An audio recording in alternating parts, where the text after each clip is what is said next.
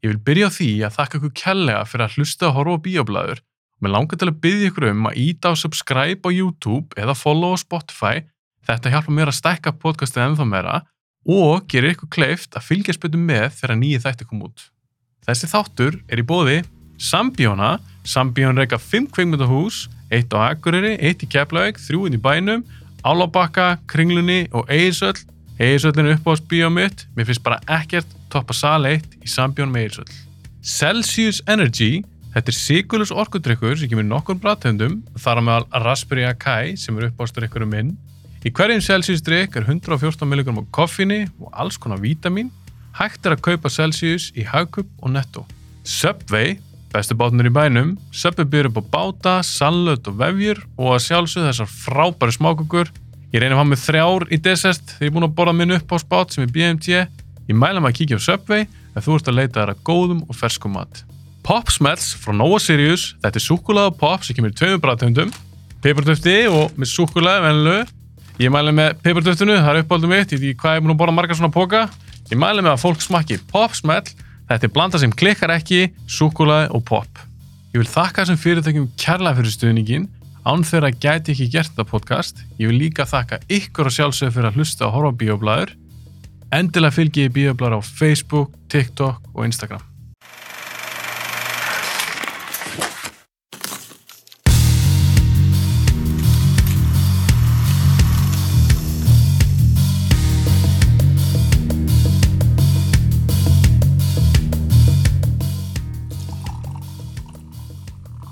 Og þetta er fallit ljóð. Ég er svo spenntur að heyra hvernig þið finnst drikkurinn Á ég að og taka hvort bara að þetta sé virkilega kallt. strax. Þetta er það. Já. Ég hef ekki smakað hann, ég er bara að Ég, smaka. ég meina allar að láta það aðeins svona gerjast. Þá... Ah, já. Þessi er góður. sko. Þetta er gott. Já, ég fekk mér hins í þess, þannig að raspberry held ég. Já, þú varst búinn að smakka. Já, hann var endur ekki í þættin.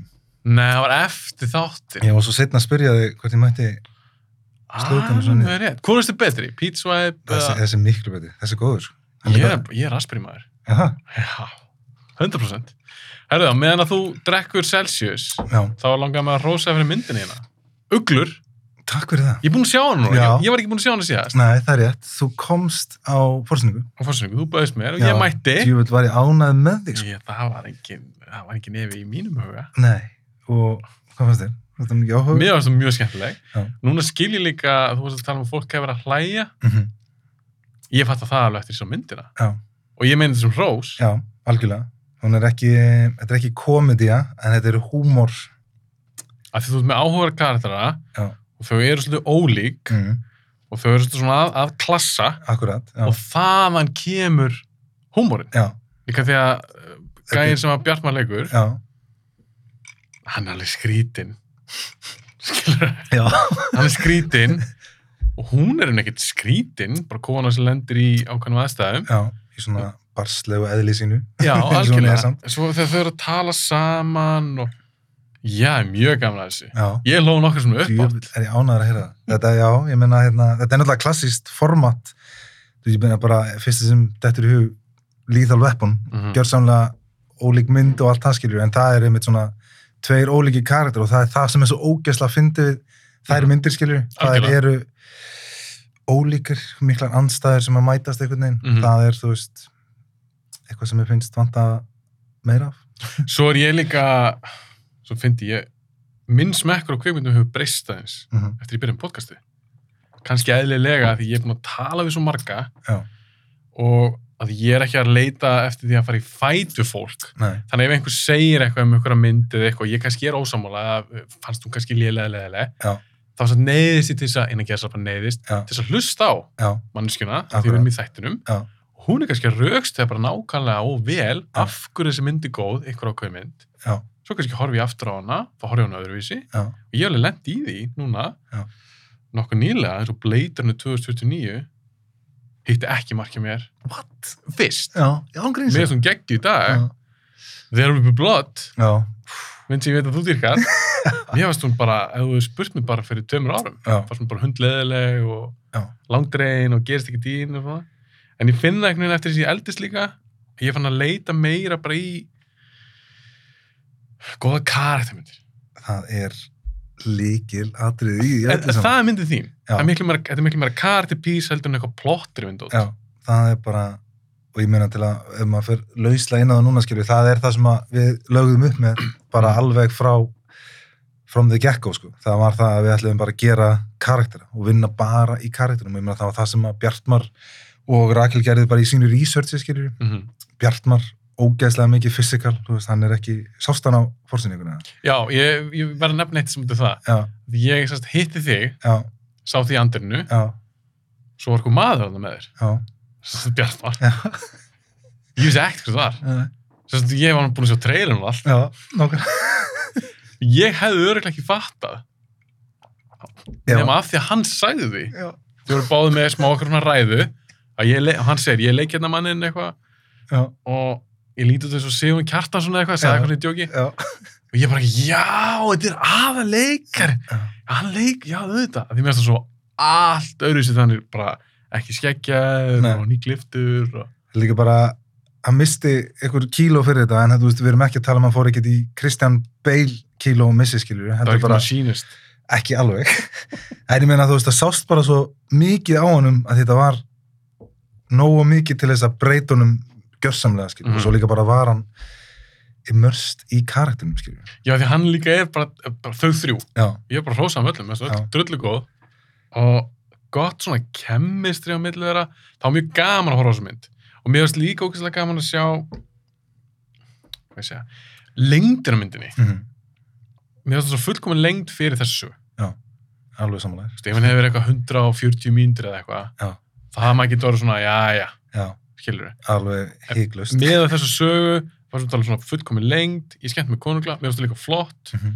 og að ég veit að þú storyboardar, eða þið Já. byrjum bara alla myndina þaula Já.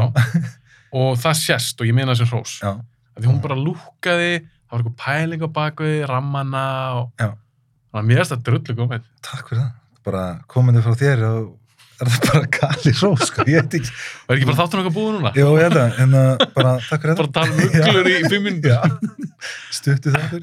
en við ætlum að tala um í dag The Northman Já, myndið til Robert Eggers já, en áður bara stutt á hann við fyrir að tala um hana já, Robert Eggers er alveg áhörður leiksturi heldur betur. þetta er þriðja myndir hans Já. hann gerir fyrst The Witch Mhm. svo gerir hann The Lighthouse Já. þá verð ég bara aðeins að spyrja þig og ekki fara út í Northman strax Nei. hvernig fíla þú þessar tvær myndir þessar fyrstu myndir Sko, ég kláraði The Witch fyrir kvöldmatt. þú varst búin að sjá hana ekki? Nei, ég var ekki búinn að sjá hana. þú varst ekki búin að sjá hana Hún var búin að vera á mínum watchlista í allt og langa tíma ok og ég fór á Lighthouse í bíó, sko. mm -hmm. uh, og til að áður en við förum út í hana skilju þá bara, og ég var mind blown á þeirri mynd mhm. en hún var samt ekki nógu mikið til að ég færi að horfa á Witch sko.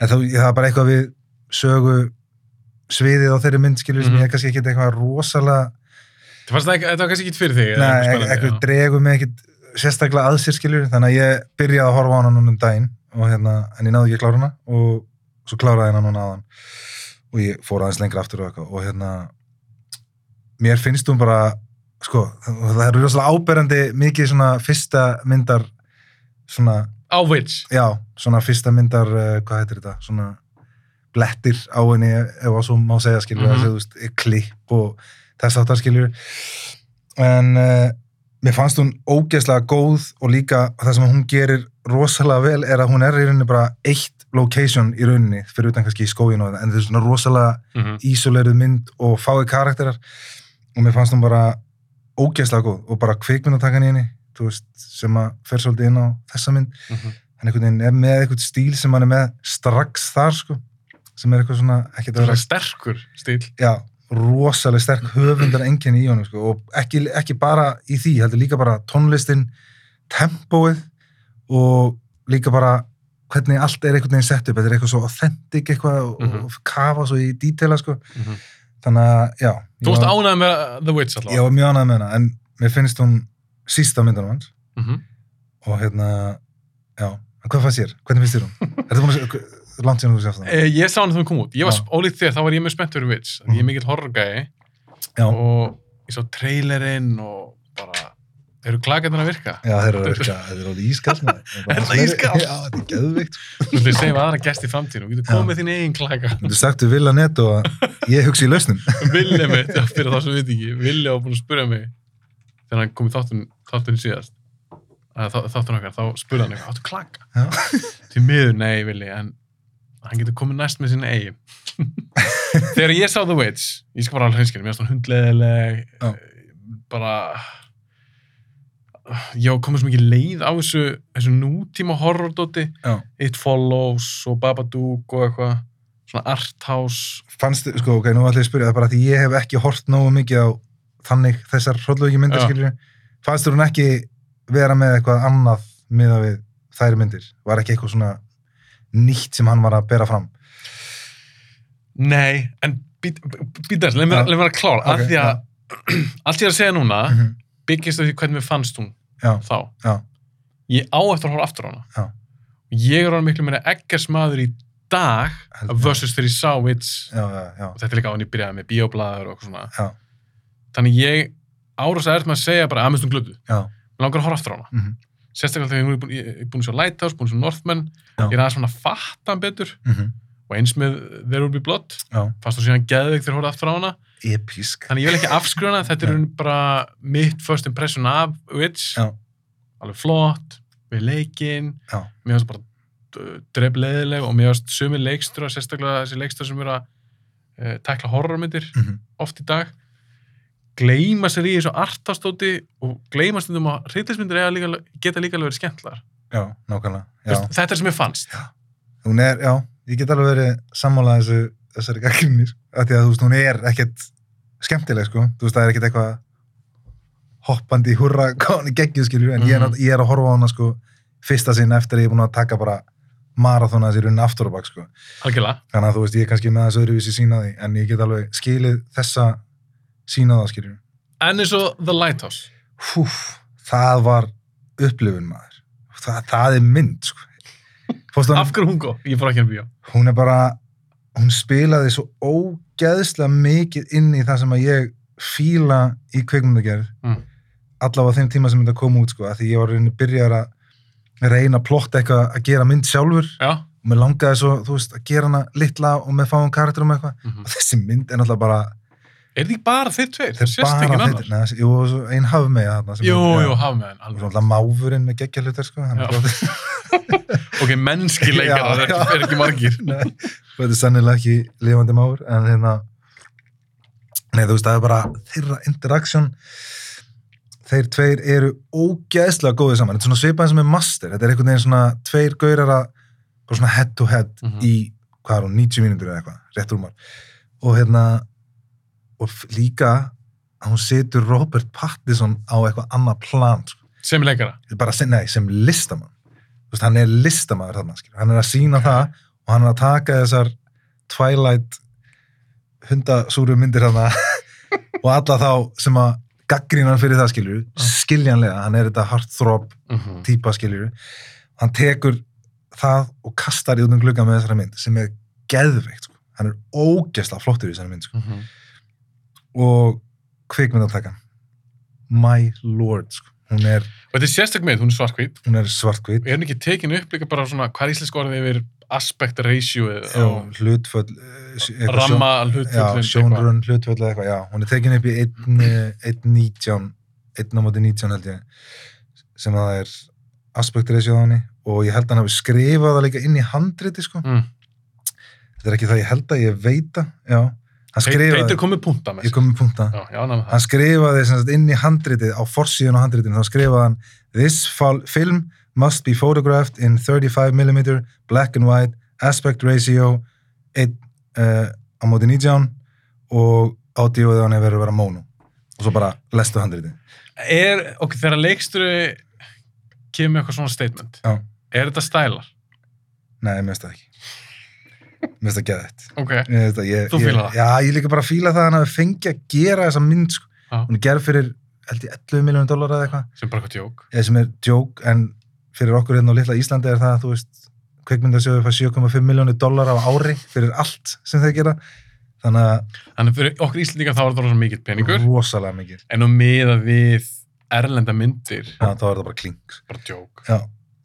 og það, og hann fær náttúrulega alveg 100% þarna creative control af því og þetta er bara hans Mm saga og finnur hann það rétt er þetta ekki A24 sem að unni með honum, hefur unni með honum í Jú. öllum myndunum nema þessari og hérna já, að ég veit ekki þetta Ég fannst það geggju. Já, ég líka bara fílaði hans uh, sem sagt, útskýringu á því af hverju eins og aspect ratio skilur, hann vildi hafa þetta svona lokað Þröng. þröngt og boxað inn skilur, hann vildi fá þetta aðeins svona stærra Hann vildi hæðina. í já, rauninni, einmitt, til að ná eins og vitanum og eitthvað sem var í rauninni ekki, ég menn ekki hvað hann sagði í tökunum að þetta hafi verið, hvort hann hafi verið bara einhverjir fjórir, fimm metrar á hæð sko, þetta var bara eitthvað, eitthvað pínu lítið dæmi Já, að það já, var, þetta var eitthvað svoleiðis, ég man ekki hvað hann var stóra en hann var ekki í fullri stær sko en ég held líka að fólk kannski átti sig ekki alveg á því, alltaf nördandi fatta, en eins og Já. með stærðan á rammanum eða svona aspect ratio, Mhm.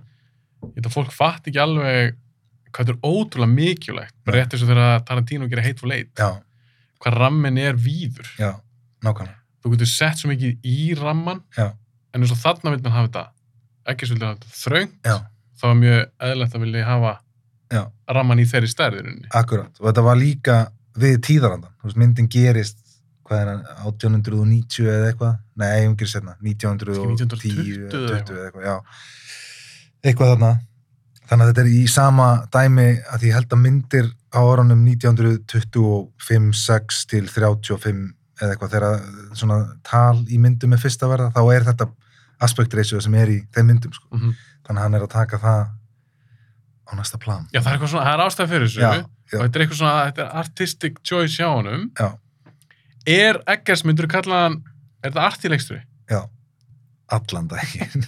hann, hann er alveg, ég held að hann eigi eftir að fara niður sem svona one of the greats in history, sko. Ég held að það sé alveg bókamál, sko. Þegar hann er búin að gera kannski tíu myndir eða eitthvað, þá er þetta bara... Hann verður, já, hann á eftir að vera svona einn af þessu sem að breytti leiknum, ef að svo má segja.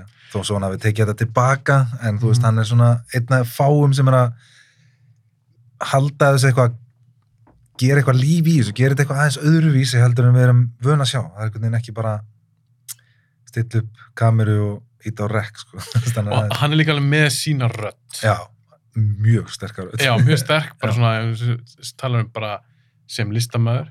mm Lighthouse, ég sá hana, það er ekki svo þannig síðan, svo stann ekki bíða ég sá hana ekki í bíó. Nei.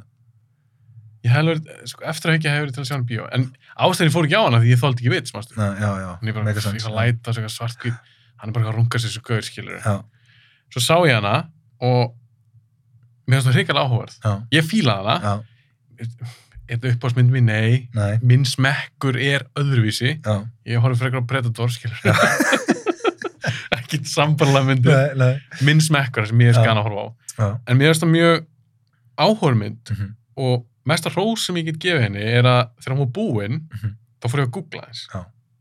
hvað var hann, að- hvað er hann að segja Já, já, já. um hvað er þessi mynd og, að því ég gerir það ekkert á alla myndir ef ég horfa okkur á einhverja mynd sem, er, sem mér finnst vera arti, mhm, ég er ekkert mikið fyrir arti myndir nei, stundum er, er mér bara fucking sama Já. og ég er ekki að googla neitt, mér er bara drullu sama Já. það var ekki með Lighthouse nei mér langa að vita meira já, já, ég meina það er geðvikt og ég meina þessi mynd er líka það, ég meina hann skrifar þannig, ég meina hann hefur sagt það sjálfur Eggers, hann skrifar meira hérna spáir ekki í einhverju þema eða einhverjum tilgangi eða, eða einhverju skilabóðum sem hann er að reyna að segja hann er meira bara að spá í karakterum sem hann er með á blaðinu og hvað eru þeir að gera og þessi mynd er náttúrulega skýrtæmið af en þess að ef þú getur lesið einhver skilabóður þessari mynd, þú veist, já, veit ekki ég- en það er samt point með henni, Já. maður ekki alveg hvað það var en Nei, hann, þú veist, Pattinson táknar þenn, þetta, já, Dafoe táknar þetta og eitthvað svona, já, já vitin líka og allt Mhm. þetta, þú veist, það er eitthvað svona point með þessu. já, já. en ef hann var að reyna að segja þér eitthvað,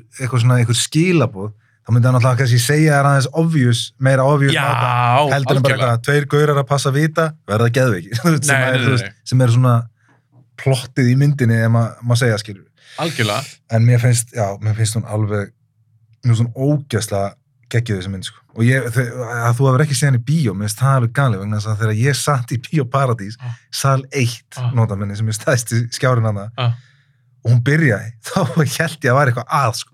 Þannig að skjárin, þetta var bara, þetta lokaði, þessi bara, ég, hvað, eru að horfa á bara hérna meðin á skjánum Já, af því Eða það var svo s- fröng. svaðalega lítið sko en mér finnst það geðvikt Já, Ég var- ég hefði vilja sjá hann í bíó. já, Og eftir að hekja er ég bara svona, ó, ég hefði vilja sjá hann í bíó. Af því hún er alveg upplöðnismynd. Já. Þetta er alls ekki mynd fyrir alla. nei, Alls ekki. Og Nei. ef að uppbóðasmyndin er Spider-Man No Way Home, þá ertu örugglega ekki að vera að fíla þessa. nei þó svo að Willem Dafoe leiki í báðum myndunum Algjörlega, það var, það var Já. tengingin. Mér er líka pínu gaman að skjóta aðeins og Spiderman No Já. Way Home. Að ég held að þeir sem eru að missa sig við þeirri mynd, Já. tölum saman eftir 2-3 ár. Já. Það, Já. ég held að svo mynd, ég held að tíminu verði ekki góðu þá mynd. nei, fílaður hana sjálfur Já, já, en ég minn, Já. ég fíla líka alveg skyndibita. já, Það er ekkert mikið næringi, skilur við.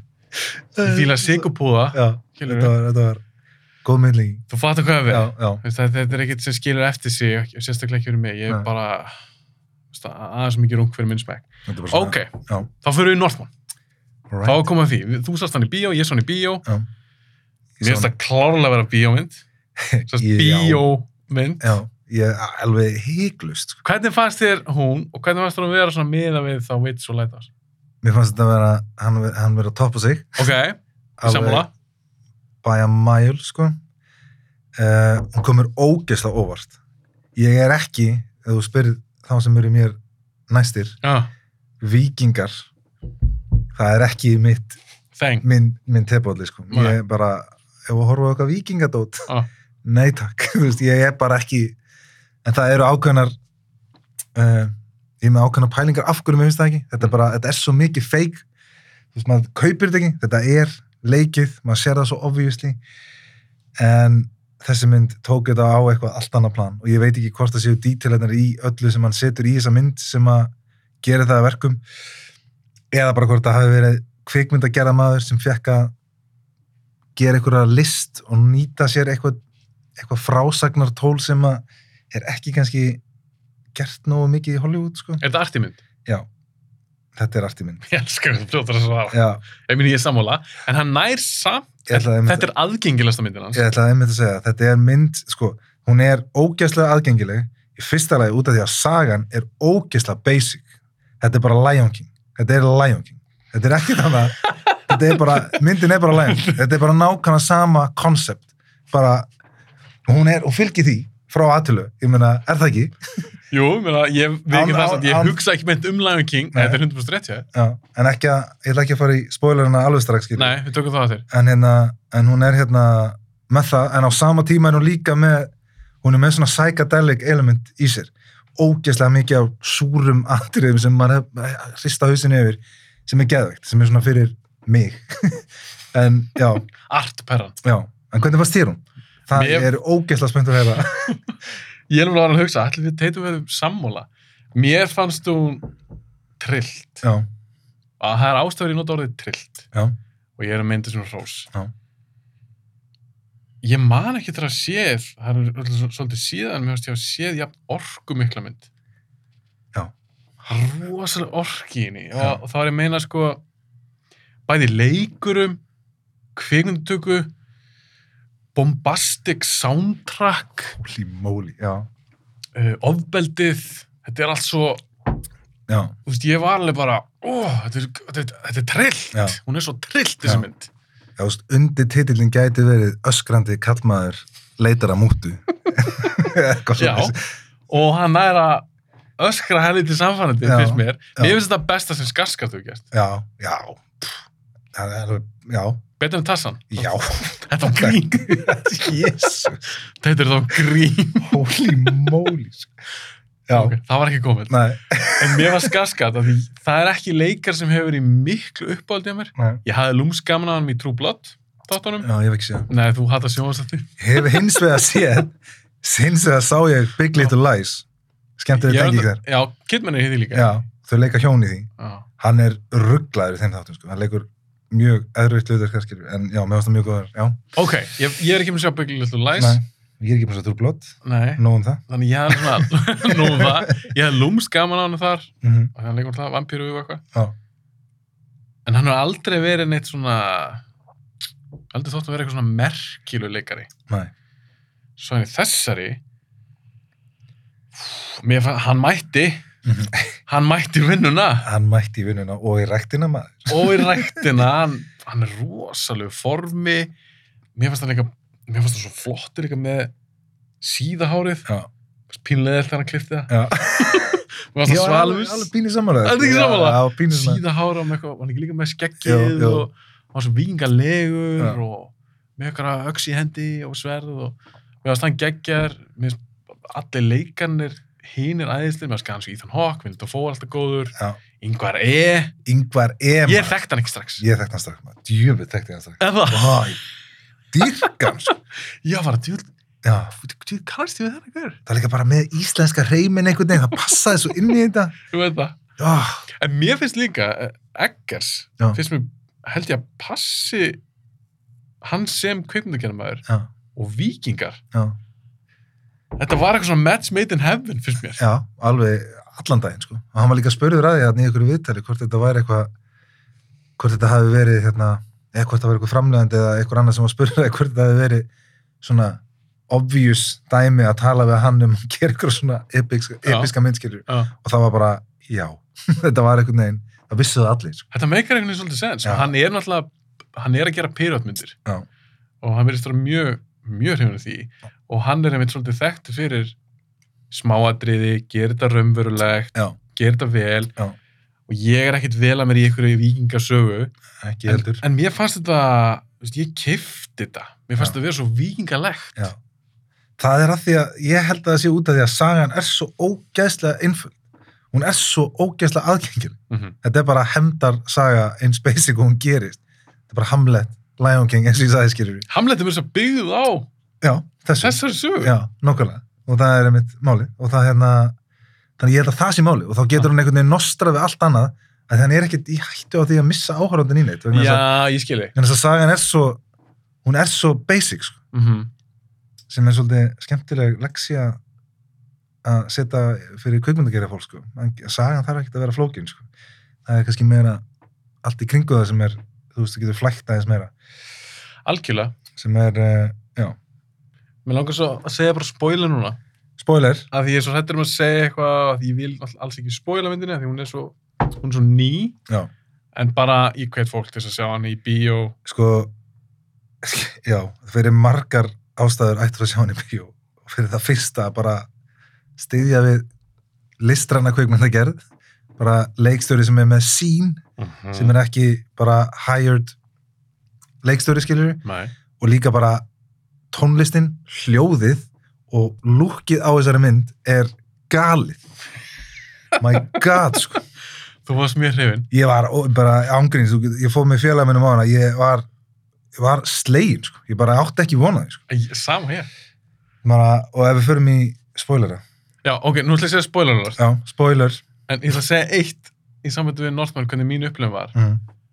Þetta myndi mig pínu en aðra mynd. já, Þetta er reyna ekkit svipa myndir. nei, Lion King nei, Nei. Nei, ég er ekkert að tala um söguna. nei ok, Svo mína upplifun í bíónu. já Af því það var mynd eftir leikstjóra, mm sem ég er enda að fíla, ég er, ég er að halda það spenntum, ég ætla ekki að segja strax hvað titilt er.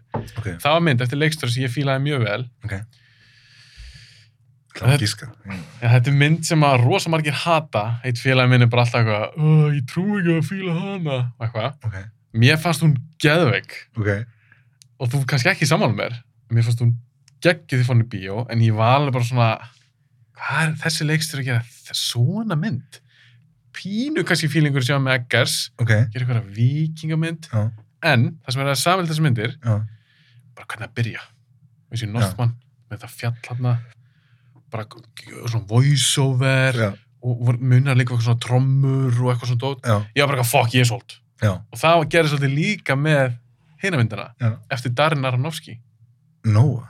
-hmm. Já. Já, þú veist ekki hrifin nei.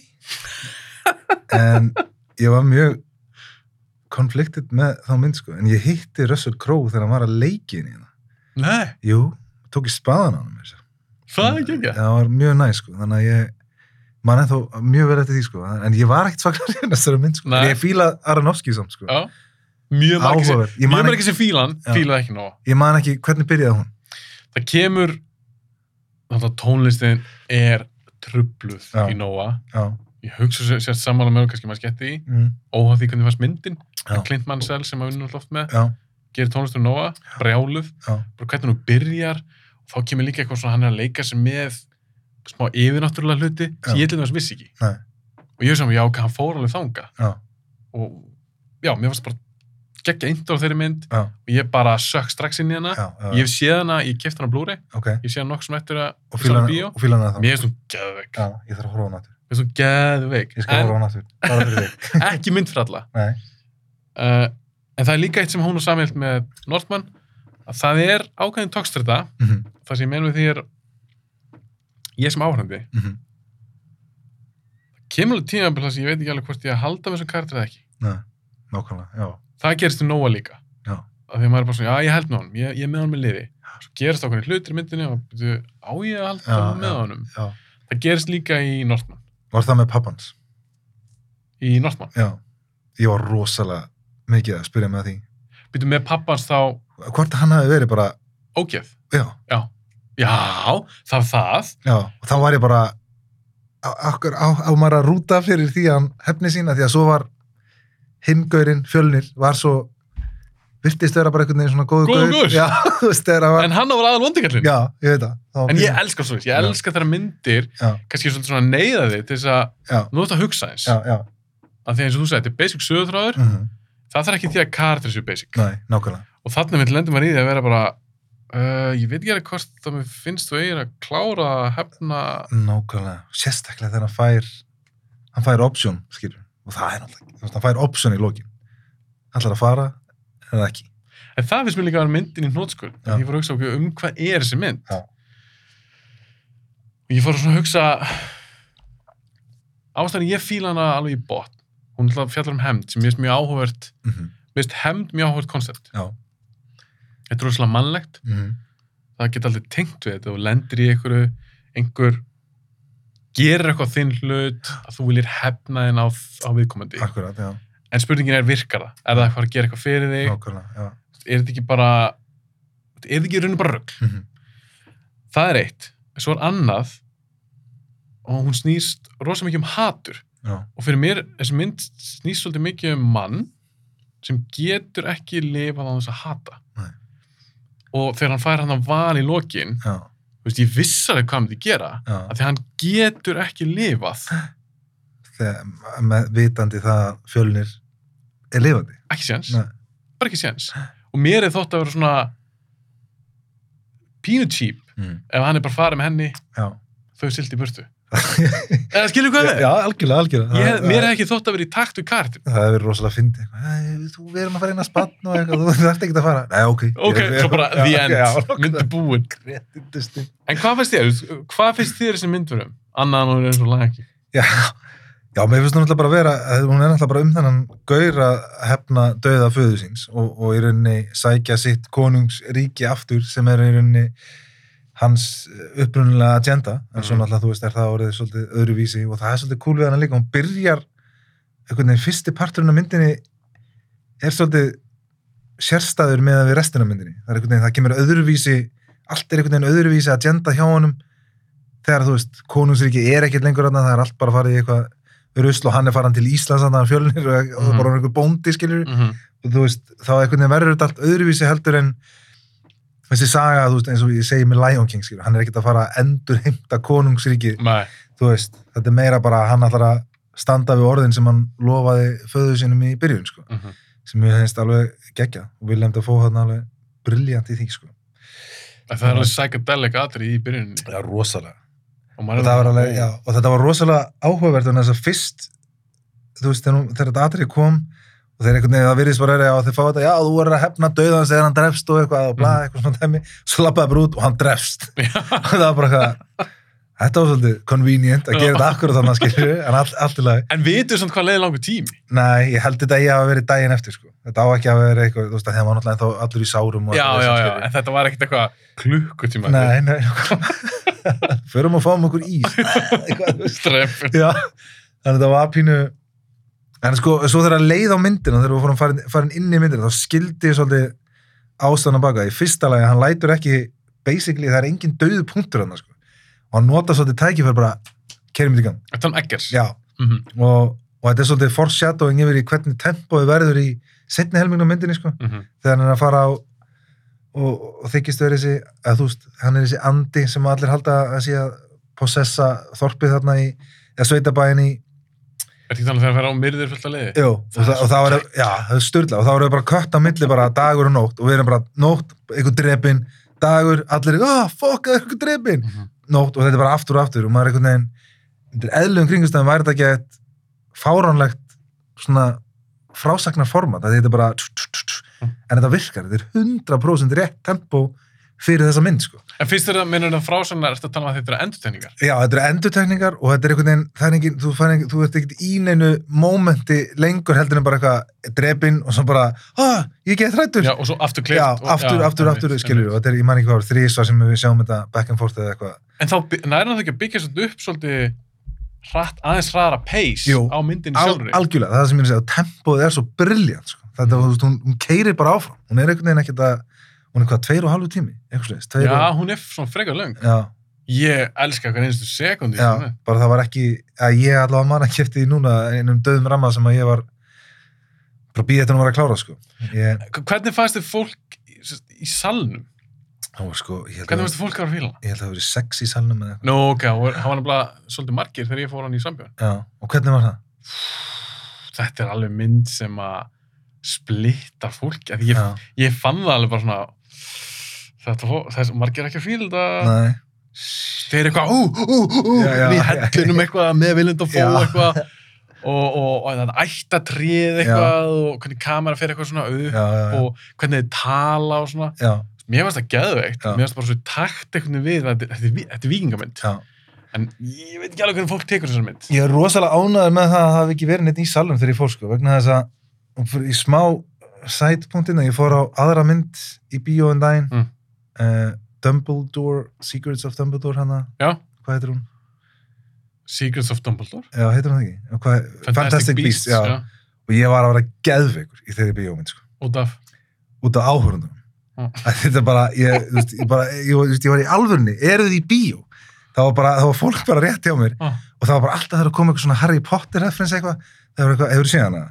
nei, Nei, það var eitthvað, það var hún hana eitthvað aðstóðar kennari þarna sem er í öllum Harry Potter myndunum og hann kallar hana svona með fyrsta nafni og svo var gæin eitthvað að kvísla á, þetta er hún hana, þetta er kennarinn hans Harry Ah. Potter og maður eitthvað, já, ok og svo faraði eitthvað þorp og eitthvað, þetta er þorpið í, í pri- hérna Prisoner of Azkaban og ég var bara eitthvað, án gríns, we get it skilur, þetta er í sama heimi og ég var ára geðveikur my god, sko, segir eitthvað fólk nei, ég gerði það ekki Af hverju? ég var einmitt að hugsa var ekki Willi Neto að segja að hann er eitthvað notóriðis fyrir þetta Jú, hann er vist búin að skána, kallinn já, ég bara, ég þarf að hafa einhvern með mér í svona dæmi og ég var, ég var alltaf, þú veist, já, ég er ánægð með það eftir að hugsa þegar þú segir þetta, sko Því ef ég hefði verið með einhverju svona lið á Northman maður en ég vil samt, ég vil samt taka fram, fólki eðilega ekkert fyrir mig myndina nei, og það var ekkert eitthvað að bladra nei, ég er bara að tala um væpið, Já. mér veist ég finna það já, líka þegar Já. kom hlje, já, þá svona heyrir maður kannski aðeins fólk skvaldra sína á já, milli, já, ég bara ok, þú veist, þetta er ekki mynd sem fólk held, eh, þetta er ekki sama mynd Nei.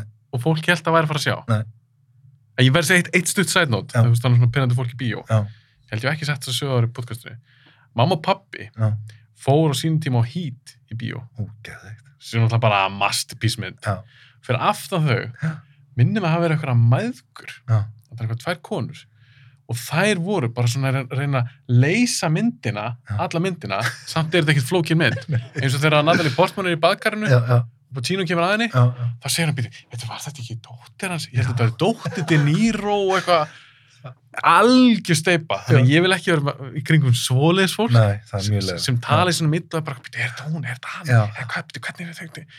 þau fucking horfa á þetta bara heima já, ef nákvæmlega þið viljið bladra og ef þið skiljið ekki myndina já, og líka eins og myndið svo hít já, já, nákvæmlega það er ekki, það er ekki flókin bíómynd Nei, nákvæmlega, já, ok, ég var aðeins að landa hérna, já, það er gott ég var líka náttúrulega smá, það er gott ég tók undir til þér allavega, Northman, já, m- mér varst gæði eftir svona bíó já, þrátt Bara- fyrir að margir örgulega ekki fíla það. nei uh, já, ég veit ekki, á maður að byrja á ykkur sko, heldur, hel, sorry, heldur að fólk fatti þegar það horfa á trailerin já, og ég er að tala um bara fólk sem er ekki svona nördar sem við, við Nei. ekkert hvað Robert Eggers er nei, þá horfa bara á trailerin fyrir Northman Já. heldur að fó, það að fólk sé að fá myndina sem að trailerin sýnir sko bæði og Já. ég held það, að því að þetta er sko það eru nokkur, eh, þú veist, hún heldur þér alveg við efnið og, og þannig og það er alveg svona, hvað á maður að segja, hasar atriði, þú veist, hasar mynd, ég veit ekki alveg hvað þið myndi flokkan undir það, Hvernig flokkar sem þetta? ég veit það ekki alveg, sko, er Líka drama. Já, þessu- þetta er samt eitthvað spennu-ish eitthvað. Já. Það er svona þefur, ég veit ekki, gætum að flokka það sem hasamind? Gætur ekki að Nei, ég myndi aldrei flokkt sem hasamind. svona listræn hasar, eða með Allt. hasar ívar.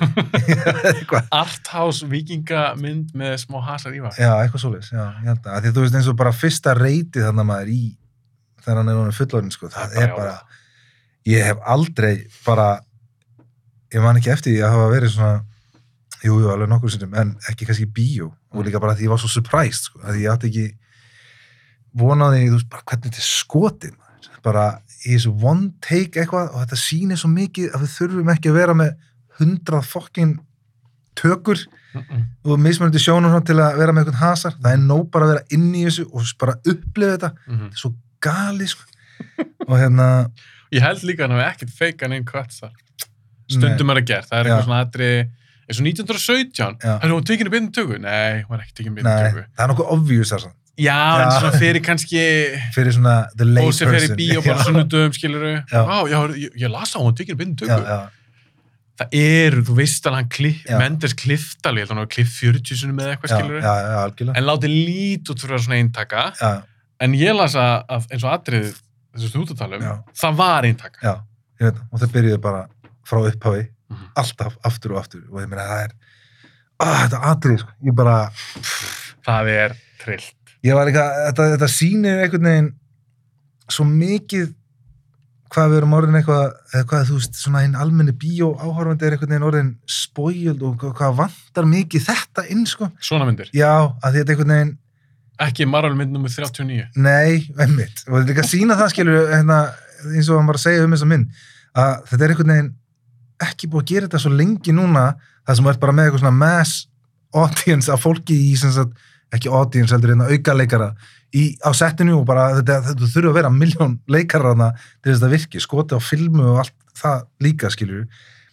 Og það var eitthvað sem saði, var að lesa eitthvað um að hvort þetta hefði verið gert bara síðan Lord of the Rings, sko, að eitthvað svona alvöru viti, sko að því að þetta er náttúrulega bara að reyna að replikata þetta miljónsinnum í, í Marvel og eitthvað svona já, dót. já, en það er náttúrulega allt CGI og eitthvað þannig og að setja þetta í þessa einu töku sko. þetta er svo, maður er svo inn í bardaðunum og að því að maður er alltaf að býja til köttinu já.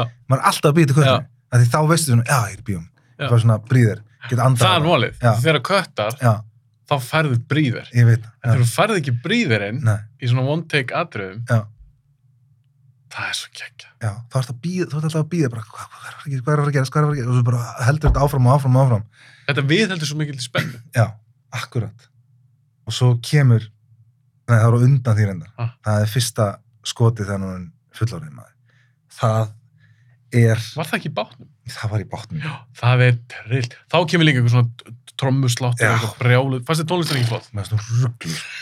Ég bara, það aðrið, sko, bara þegar rammin kom, já, sko, rammin kom upp og hann var bara kjur og eitt báturinn fyrir frammi og eitthvað og ég var einmitt bara hann og félagið minn eitthvað leit á mig eitthvað, what, eitthvað, ég var bara, oh my god ég, ég gerði svona skilur, satt hann alveg og hann eitthvað leit á mig, já ok eitthvað, og, og svo ekki nóg með það, þetta var svo geðu ykkur rammi, við vorum hann í trjánum og eitthvað, eitthvað svona Mhm. blóm fyrir framann og báturinn eitthvað, nei nei, svo förum við bara áfram Já. og svo förum við bara í bátinn í einu skoti, Já. ha, það er svo kamerugurinn hefur bara svifið og sest sérn í bátnum já, þetta er svo fucking vel gert þetta er ruggla sko. en hvernig er næstan svona gert, mistu það? ég bara, ég varð að komast að því og þess vegna fór ég bara og Tjekkaðu kynnti- það. og kynnti mér það, sko. ég held þetta sé splæsa saman Já, Vegna þess að hlýtur- það, það, hlýtur það er sko dolly trakkarna í bátnum sko. en já, þetta er authentic bátur, þetta er byggt alveg nákvæmlega svo voru byggðir þessi vikingaskip Mhm. í gamla daga ekki sem vil hafa þetta raunverulega Já, og það er allt bara þannig dítilaði draskilur gæðin sem situr á mótunum am, armleð, nei amleð amlega þegar, það laðal já, gæðin það er okkar, hann, já, Björn Úlfur, Bjössi já Bjössi Bringusund Já, hérna, situr á móti honum er sem sagt í stæðinu þar sem að kameran endar að því við förum í close-up eða honum skilur þannig að hann þurft að hoppa í rauninni frá þetta henda árinni sinni úti og svo síðan hoppa frá eitthvað þannig að þeir eru svo slætaðu sinn þannig að þetta er splæsa við krana í rauninni frá landi sem fer inn lendir í bátnum, tekur við og svo endur við hérna við hliðin á honum nei á mótunum skilur og í sætun hjá gæðinu sem er á móti honum skarskart þannig. Já, þetta hlýtur þetta hlýtur alltaf að vera einhvern veginn svona spless saman. Ég, Já. til þess, ég maður þegar ég, það er- það er ein mynd, ég fólk til að hugsa um það, Já. það er svo cool skot. Uh, hefur þessi söðukorska mynd sem heitir The Man From Nowhere. Nei, Brála mynd, verður ég að sjá hana? brála mynd. Að ég elska það. Þetta Já. er svona, þetta sem ég kalla svona Don't Fuck With Me mynd. Ok, Gæi, var eitthvað vofa og gaur, hann er eiginlega retired, Já. eitthvað býr eitthvað þar, einhver stelpur rænt sem að hann var búin að kynnast og hann Ok. bara goes apeshit og fer eftir þessum gaurum. hvaða, hvað, hvað er hún gömul? Man From Nowhere, alltaf sér ekki 2011 kannski. Já, ok, hún er ekki eldri en það. Nei, ok. Nei, hún, nei, 2010 hún 2010 minnum mig Allavega, busið frá því, Ok. okay. ekki mynd Það er skot í henni Hann hann er að hlaupa á annar að hæða eitthvað í einhverju húsi Já. og hoppar út og glugga og kamerugurinn það er eins og hann hoppi með honum Já. en það er væntanlega líka einhvern veginn splæst saman Já, já, en þegar Ah. já, kamerun fyrir svona með honum niður alveg rétt. Já, já, ég sé þetta atrið. Þetta er, þetta er, þetta er Það í getur einhverju verið. vídeo þar sem er verið að tala um eitthvað svona dæmi. Já, ég, er þetta splæsað saman? Ertu vissið það? Ég- Nei, ég er ekki viss um það Nei, ég en held það ekki. lítur eiginlega að vera Ég held ekki. Ég held þetta sé, að kamerugurinn er bara að hoppa út um glugga ég held það. Ég held að, Af því ég held að ég, gler- alla- ég man eftir þessu atriði þegar þú segir það. Ég held þetta sé gert í því, Bara í þú veist, að þetta alvöru? er bara stöndgæði með kameruna. Já, að því að ég veit að glerið er tölvugert já, skilur, þegar hann hoppar út um- í gegnum eitthvað gler já, já, já. ég nokkuð sem það sé allt tölvugert Mér langar að kynna mér þetta. Já. Ég verð að kynna mér þetta. Shit. en þetta er Já. alltaf cool mynd Já. Þetta er Eh, alveg eins og atrið hérna, svo við höldum áfram með þessu one Mm. takes hérna, eins og atrið í Mission Impossible hérna, Fallout, þegar hann hoppar á flugvölinni. Hefur þú séð hana? já, ég er búin að sjá hana. Já, þið fannst hann ekki góð. Alla hana. þú Þegar heyrið hann- heyri það á mig Já. þegar hann hoppar á flugvölinni, Já. ég meina það er í alvörinni, þú veist, hann er að hoppa úr flugvölinni í alvörinni Já. og gæinn er að hoppa með honum með kamerunni í alvörinni og þeir eru sko með fókus puller með honum sem er að reyna að ná fókusnum og þeir, sem, það er eitthvað svona laser dæmi á helvitis kamerunni eða eitthvað svona laser eða eitthvað punktur sko Já. sem að Tom Cruise þarf sem sagt að koma sér á til þess að lenda í fókus og það er það sem þeir þurft að gera og þeir Þú er hoppuðu, svolítið galinn já ég veit það og, og þeir hoppuðu sko, ég var ekki á 50 pluss sinnum sko, Já. að þeir þurft alltaf að lenda á punktinum þar sem maður var í fókus með kamerunni skilju og það er allt gert bara real time sko og þú sér behind the scenes það sem gæin er bara að hlaupa bara kamerugæin er bara að hlaupa út með fallífagöður bara á bakinu sko þetta er bara, þetta er eitthvað mesta rugli heimi sko þetta er samt svo skemmtilegt já, þú nefnilega sem áhörði þú finnur það Já.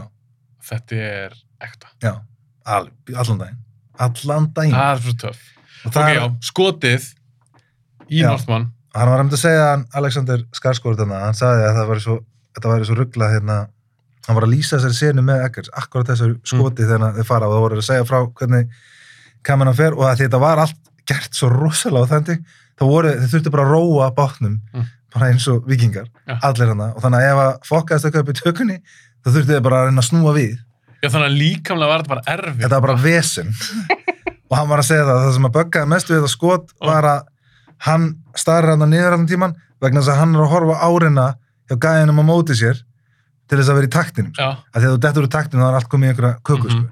og svo þegar hann hoppar út og hendir áreinu fráskýri þá þarf hann að vera bara í takt vona að hann sé í sama rithma og allir aðri sko. þannig að þetta er ekki djók sko. þetta er bara, þetta er geðveik Skarskart sagði líka í einhverju viðtala hann, þetta hefur verið rosa erfitt sjút Já, en þetta er hans uh, þeir eru náttúrulega þetta er passion project á sikkura já, já, já, þú veist, hann vil ekki honum- Skarskart gera einhverja Já. vikingamyndið eða eitthvað og... og, og Eggers var alltaf að skrifa honum með honum sjón þarna mm og, og þeir hitta síðan bara og það er bara geðvögt sko en þetta atrið, oh, og þarna fáum við að sjá í rauninni hann almennilega þegar hann er fullorinn já en ég ætla að, það er tvent sem lóka að ræða við í sambandi við þessa mynd mm bara tvend, nei, tvent ég finna verða að muna ok, já uh, nummer eitt ég man einhverju tölum mynd að um þú komst til mér síðast, ég held ekki þetta er eitthvað sem ég hef velt fyrir mér og mér finnst það svo áhver pæling er nöðsynlegt að halda með aðal karakter í bíómynd já, það er, voru búin að ræða þetta? nei, ég held ekki Nei, ég hef svolítið rætt þetta við örglega ykkur aðra gesti. Þú veist, Er það nöðsilegt að, að þú haldir með alkartir í bíómið? já, það er uh, já, það er góð spurning sko nei, Lítur, ég- þú lítur að velta þessu fyrir þér. Já, ég meina tökum hérna eina bara side note mynd af það skilur ég meina Dark Knight ég meina, ég horfa á hana út af einum karakter og það er ekki aða karakterin. Já, ég meina, þú horfður út og djókar. Já, þú veist, það er bara gæinn sem að, En mæntalega heldur ekki með honum. nei, en ég er að segja, þú veist, Þú hlýtur að halda með Batman samt. já, en maður einhvern veginn samt horfir á hana með hans, þú veist, maður vill horfa á hann, skilur, þannig ég er, held að skipti í raunin ekki máli, sko, hvort þú þurfir að halda með honum eða ekki. Hélstu með Daniel Plainview í There Will Be Blood? Já, Hélstu með honum? já, er það ekki, hann er svo flottur maður. algjör, algjör hvað, svikari og Já, ég meina- glæpamaður. Já, tökum það, þú veist, hann og Paul Dano í þeirri mynd, skilur, ef við tökum hérna, höldum áfram í þessum side notes, Já. það voru skemmtilegt fyrir að merkja þetta. Ég meina, ég vildi frekar að Daniel Plainview Plainview myndi vinna heldur en Paul D- Dano, skilur, Mhm, alveg allan daginn. 100%. Og þeir eru í rauninni two sides of the same coin, sko. Mhm. Þannig að, En er ekki, er ekki þess vegna svo mikilvægt? já, Því ég, ég, ég er mikið pælt í þessu. mm En þú kannski eftir að horfa á mynd og alkartin kannski eitthvað morðingi. já, Þú heldur samt með honum. En er það ekki mikilvægt að anstæðingurinn já, sé enn ógist, hann þarf að vera eða tölvöld ógisleri, heldur en aðalkartin. jú, Skilur við? Þannig að Jú. í basically sem Northman, já, hélstu með honum? já, alveg þangar til að að koma kannski svolítið í ljós þarna á setni partinum á myndinni þar sem að maður fer svolítið að efast hvort að þetta hafi verið hvað maður að segja, valdarán frekar heldur en bara að Þetta er ma einhverjum að- mamma sem virðist elska já, Það er- nýja mannin sinn. það eða- hefði nefnilega verið frekar grilla ef við hefðum ekki fengið þær upplýsingar sko. ef að við hefðum verið- þurft að velja sjálf sem áhörfandi skilur er mamman in on it eða ekki skilur af því að hún segist vera in on it að hann hafi drepið hvað heitir hann? Uh, já, pabbi, mann eitthvað pappa sittur. Ethan Hawke kartin. Já, Íþrón Já, varstu að leita- varstu að leita þe- því? Nei, nei, nei, ég var að leita þessum að leki manni hvað hann heitir Ég var eitthvað, En hérna- kongurinn. Já, þú veist að hérna hún segir í endanum með það ekki að hún hafi viljað að fjölnir myndi drepa hann Jú, það er svolítið svo sem hún hafi s- beðið akkurat, fjölni. Já. Það verið hennar hugmynd. akkurat, já þannig að þú veist, En hvað mennur, var, var mikilvægt fyrir okkur að fá þér upplýsingar? Nei, ég, ég, bara, ég, hug, ég hugsaði bara ef við höfum ekki fengið þær upplýsingar Ah, það hefði verið áhugavert ef að þú veist leikurinn hefði bara komið til skila frá Nikol Kidman skilur já, Það þú, hvort þú, að- já, þú þurft að meta þessum áhörandi sjálfur. hvort þetta væri rétt ákvörðin eða hvort þetta hún hefði verið innanrið eða ekki skilur eða hvort að hún væri undir spiluð þú veist, hvað Mhm. er undir gefin eitthvað þannig, en ég veit það ekki nei, ég, þú veist þetta let mann alveg vera konfliktið sko sérstaklega þegar að, þú veist, þetta komið út af það eins og við segjum að þetta er þessi Hamlet Lion King saga Mm að hann, hann, þú veist, hans uh, verkefni var samkvæmt pappans að hefna fyrir döðans mhm. ef að það myndi gerast og, hérna, og hann vildi náttúrulega ná sínu kongsir ekki eftir en svo er þetta bara einhver bóndi á Íslandi skilur, þá er maður bara já, alveg góð pæling ég veit það ekki, ég þarf að hugsa með meira. þetta er erfið, Þetta er mjög öðru spurning. ég veit að sitja með hann að spá hvað finnst þér? Hvort maður þurfa að halda með aðalkartir? Já, Ég segi nei. na, það sem ég vil það sem ég vil sjá auðvitað, er ég er bara að sjá áhugavert fólk Já. Þú veist, finnst mér gaman og áhugavert að fylgjast með mm Mhm. amleð Mhm. skarskarði í sér mynd mhm, er það nóg, verði ég að vera eh, mér finnst það að vera nóg, já, mér finnst þannig áhugaverður það sem hann lendir líka í já, Uh, ég, ég, næ, ég, næ, ég næ líka að tengja við hann að- að- eins og ég tala um á hann, hemmt Já. þetta er svolítið mannlegt, Já, já. það er auðvelt auðvelt kannski að tengja við það, bara já þú veist, ef að- ef ég myndi lendi þess að sjá pappa minn drepin svona, já, já, en það er líka hvernig það er sett upp já, Já. mér finnst- mér finnst til þess mjög mikið að við fáum að sjá þegar pappa sér drepin, já algjörlega, það er ekki, ef það er gerst off-screen, já það er öðruvísi, algjörlega aðeins öðruvísi já, og þá næri þú að því að hann er líka strákur þannig sér Já. þetta, hungur strákur þá næri strax alveg aðeins að tengja bara, æ, greið strákurinn já, akkurat Skilurðu? já, já, en svo alltaf líður á myndina og maður er alveg bara "Ah, fjölnir hann núna sína eigin fjölskyldu hann á börn, já, já, já, Veist, er það rétt að amleð bara drepa hann, já. skilur það er líka svolítið sem að Robert Eggers hefur verið að segja eins og núna eftir á þannig hann er búin að gefa hann út og klára hana er að það var ekki endilega hérna, hans, í hans verkaring eins og hann orðaði, hann er ekkit sammála sínum karakterum eða, eða sinni sögu, mm -hmm. Mhm. heldur vildi hann bara vera trúr því sem að gerist á þeim tíma sem að myndin er að gerast ískilur Mhm. þannig að eins og í þessu tilviki þá er það kannski bara þetta er bara það sem þú áttir að gera til þess að komast inn í valhöllu og, og allt það skilur En þú veist, líka setta þessu spór þessar manns, Amleth, já. hann missi pappa sinn, Mhm. pappa sinn drepin og þetta er náttúrulega á þessi vikingaöld og það er mitt rosa mikið eins og þessi- þessu átt að gera Mhm. Já. og hann fer sér bara burt. Hann missir henni mömmu sinn líka Já.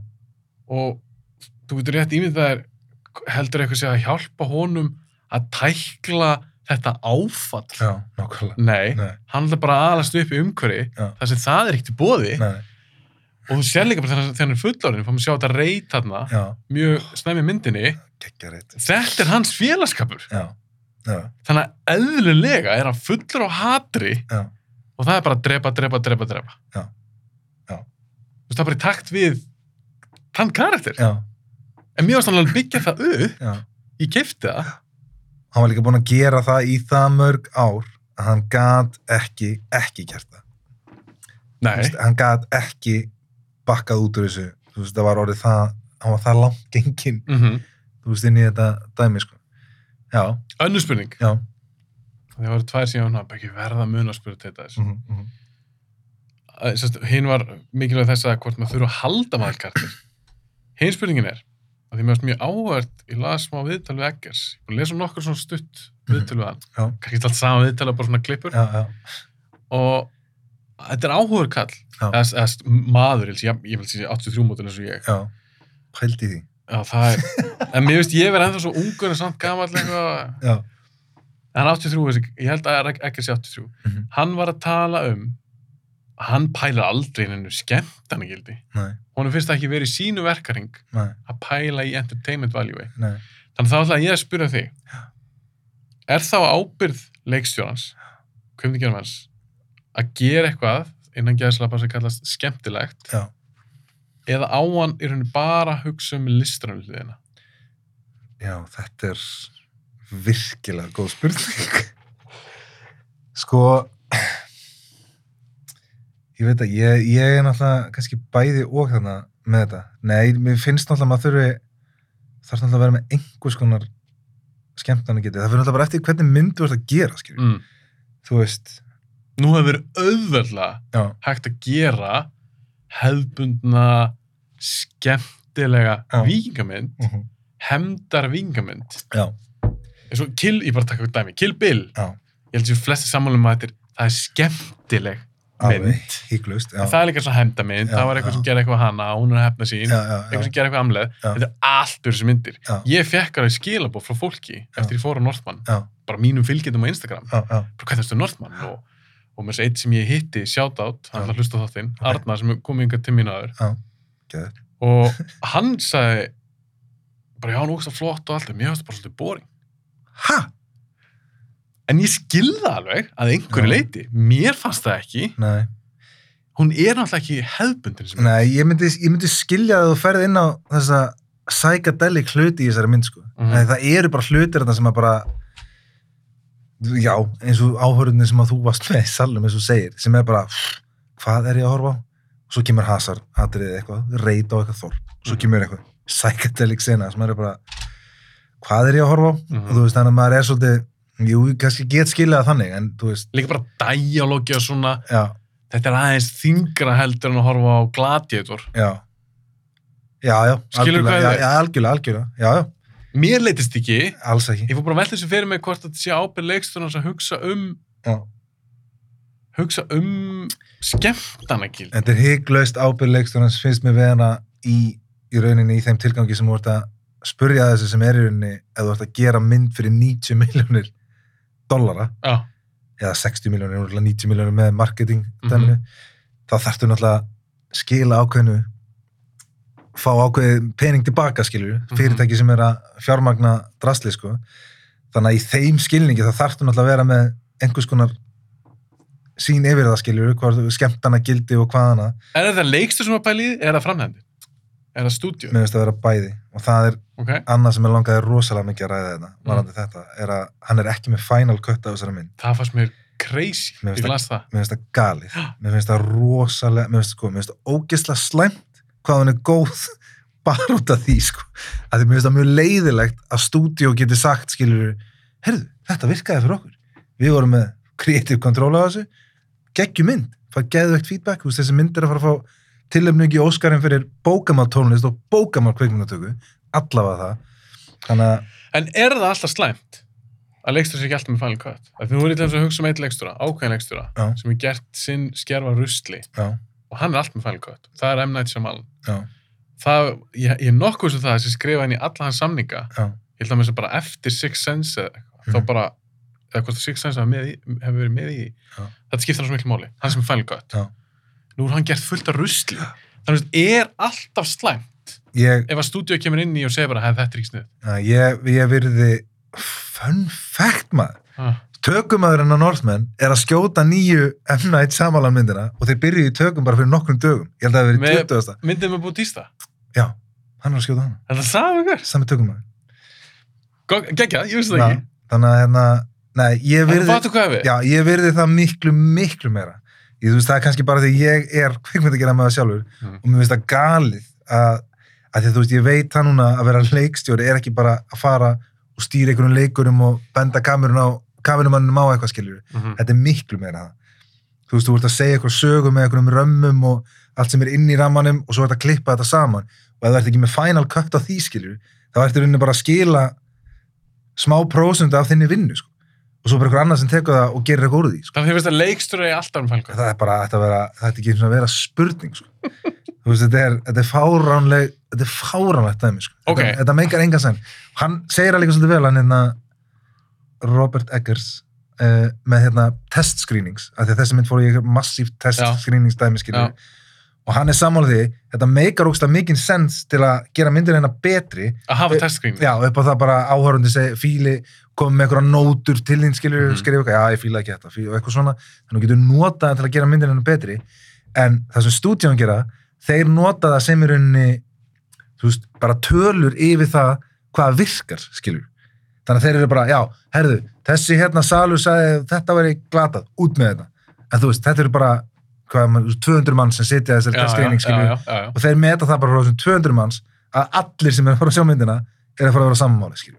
og það er rosalega slæmt þegar þá ertu komið með og taka rosalega mikið völd af leikstunum sem ég veist gari Ekki miskjumni, ég er ekki að segja að ég sé hlindur því að taka fælgóð af leiksturum. Nei, En ég fór aðeins að hugsa þetta að því að hann gerir Witch, hann Mhm. gerir Lighthouse, það kosta klink. Já.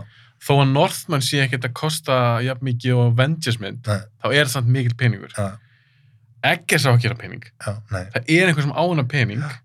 Þeir eru alltaf að fá, þetta er bara fjárfesting, þeir eru Já. að fá peningi sinna aftur. já, og Eggers er arthouse indie já, kveikmyndagerðamæður, já, hann er ekki James Cameron, nei, hann er ekki Steven Spielberg nei, nei. mér finnst, sko, mér fannst það galið í lasta, bara Já. ha en svo meikar það náttúrulega líka eitthvað sens Þetta make a sense upp á þess að pening að gera og ég, er alveg, ég er alveg, skil alveg hvað þú ert að koma skilur en þetta er líka svolítið pæling skilur ég meina ef maður tekur einhvern autór leikstur ég veit ekki, Tarantino skilur mm -hmm. þú veist þú færði ekki Tarantino sem eitthvað fyrirtæki þú veist, ég er að taka bara algjörlega random dæmiðna til að leikstýra þú veist, Pretty Woman þú veist, eða there is something about Mary skilju. það er bara ekki hans dæmi þannig að þú veist, ef þú er stúdíó að ráða leikstýra þá ertu að ráða leikstýra fyrir einhverja sín skilju, sem er einhver hildarsín á einhver, einhver verk sem hann hefur gert þannig að þú veist, þú myndir aldrei fara á leikstjórun og kilpil gerum dömmen dömmen með hon skilju, Nei, það, nei, þú nei, veist, það nei. meikar engan sens nei, nei, nei, ég skilji þannig að þetta er svolítið þeir að taka ykkur að sjensa en er einhvern veginn ekki alveg að taka allan sjensin já, því annarkur treystur hún það ekki já, nákvæmlega og þeir klála að gera það ekki alveg þó þeir gera það næstum því sem er áhugavert já, það, það er mjög áhugavert þannig að þetta er, annu- annað dæmi með þetta er Dune 84 með David Lynch Ah. og það er síðasta myndi sem hann var ekki með Final Cut á og það meina myndin er sorp, ég hef ekki séð hana en ég hef bara hef lesið mér mjög mikið til um að þetta er bara drasl en það er örgulega til fullt af myndum það sem er leikstur ekki með Final Cut já, og er bara virkilega góðar já, já, sérstaklega í gamlaðna, ég meina það var örugglega meira kannski standard frekar en ekki mm að þú veist að þá var þetta bara stúdíu að ráða inn Já.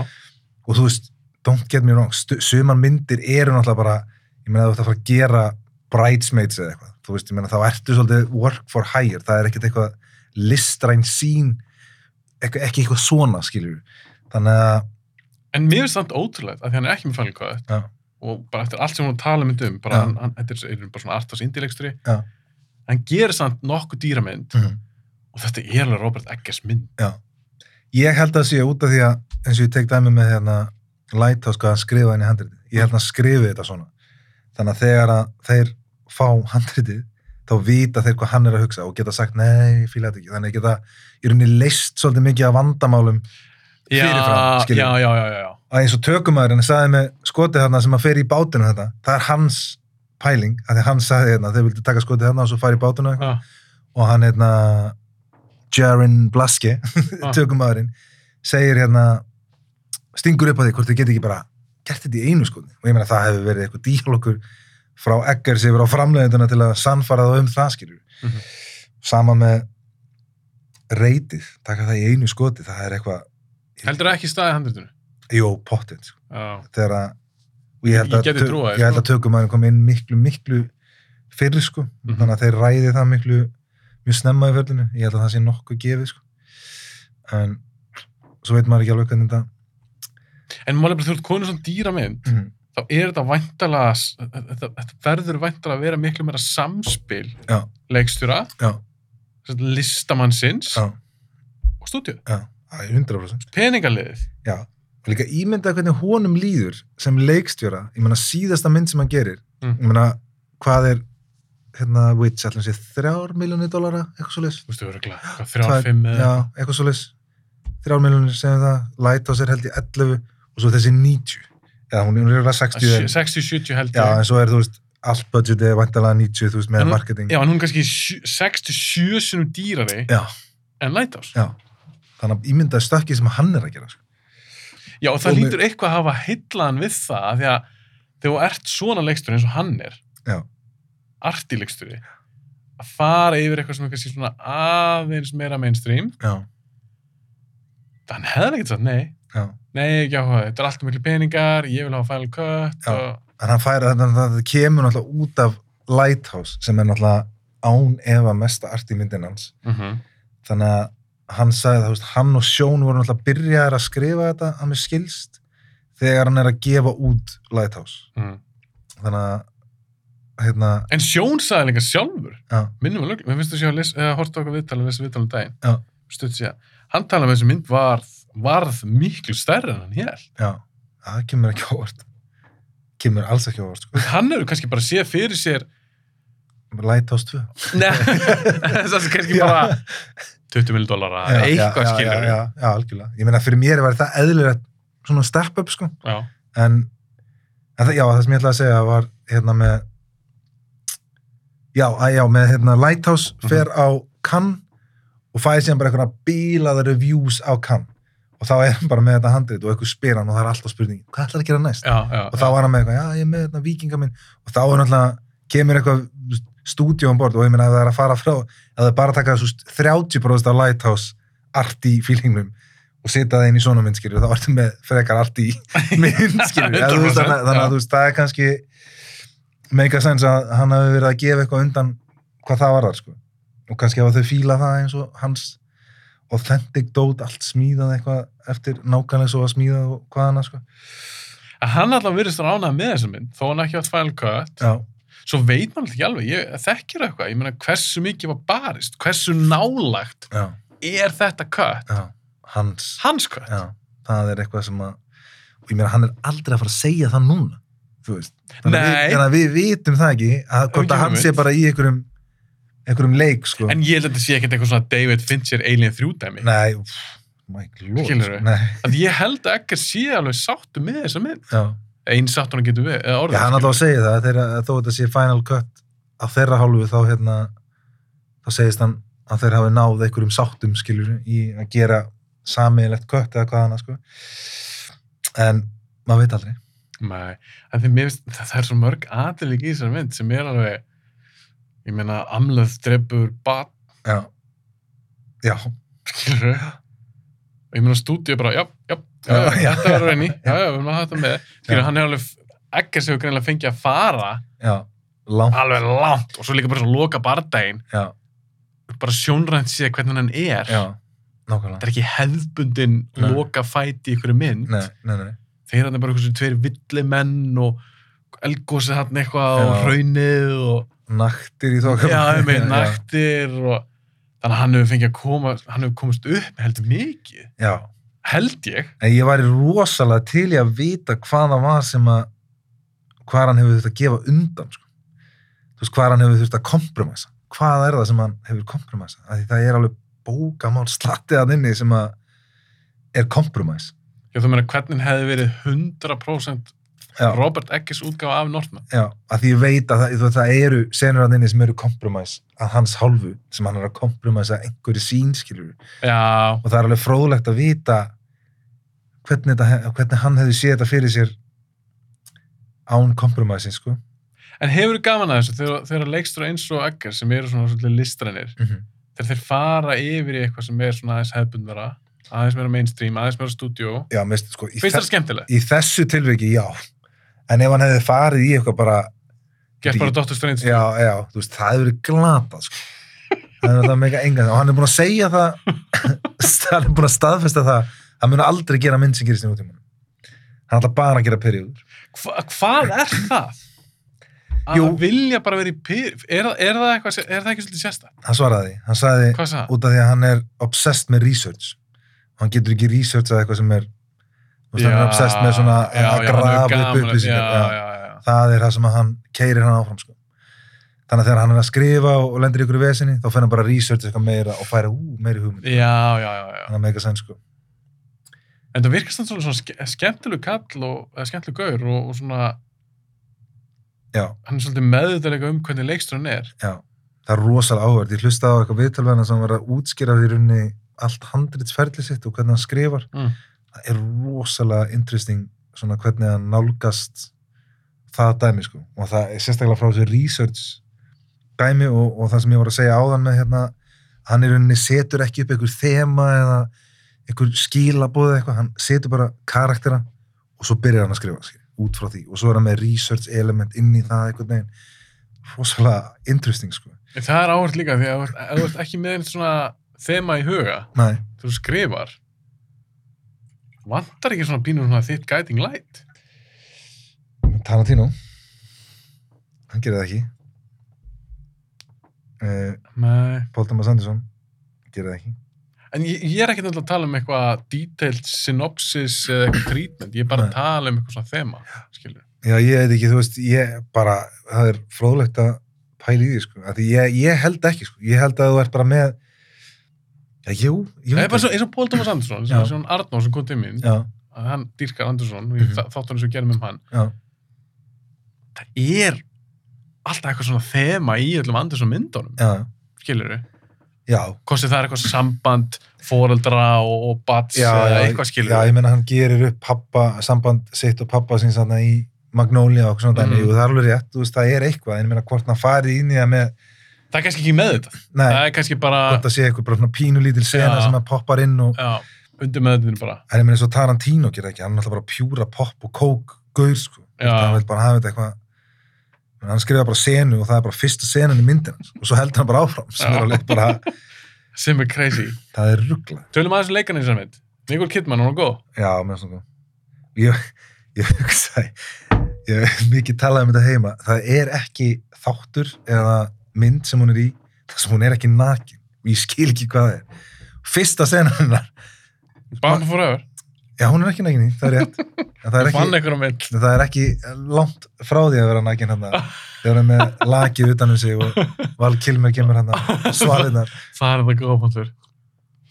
Þetta er, eitthvað, þetta er bara eitthvað þ- við hana, ég veit ekki hvað það er sko. Þú- þetta er ekkert eitthvað sem maður sé eitthvað að leitast eftir því, sko. maður er einhvern veginn bara, það verðist í hverju einasta stöffi sem hún er, þá er eitthvað svona mjög skrítið, og svo fyrsta senn henni þessa mynd, þegar hann opna tjaldið og verða að skellin í kjól skilur, maður er bara gast ekki bara gert eina fokkin mynd að þess að gera þetta allt í lagi, Er hún góð í henni? já, mér finnst hún góð Mhm. mér finnst hún alveg mjög góð, ég dyrka Kidman, sko, mér finnst hún alveg frábær leikona sko. og mér finnst hún vera ég fíla líka hennar sko, hvernig hún velur sér hlutverk Mm. hún er meira að stiðja við svona listrænt shit sko. hún er minna í einhverju svona blockbuster dæmi, hún er rosalega mikið í svona að gera myndir sem kannski er ekkit auðvelt að fjármagna, hún nota svolítið nafni sitt í það.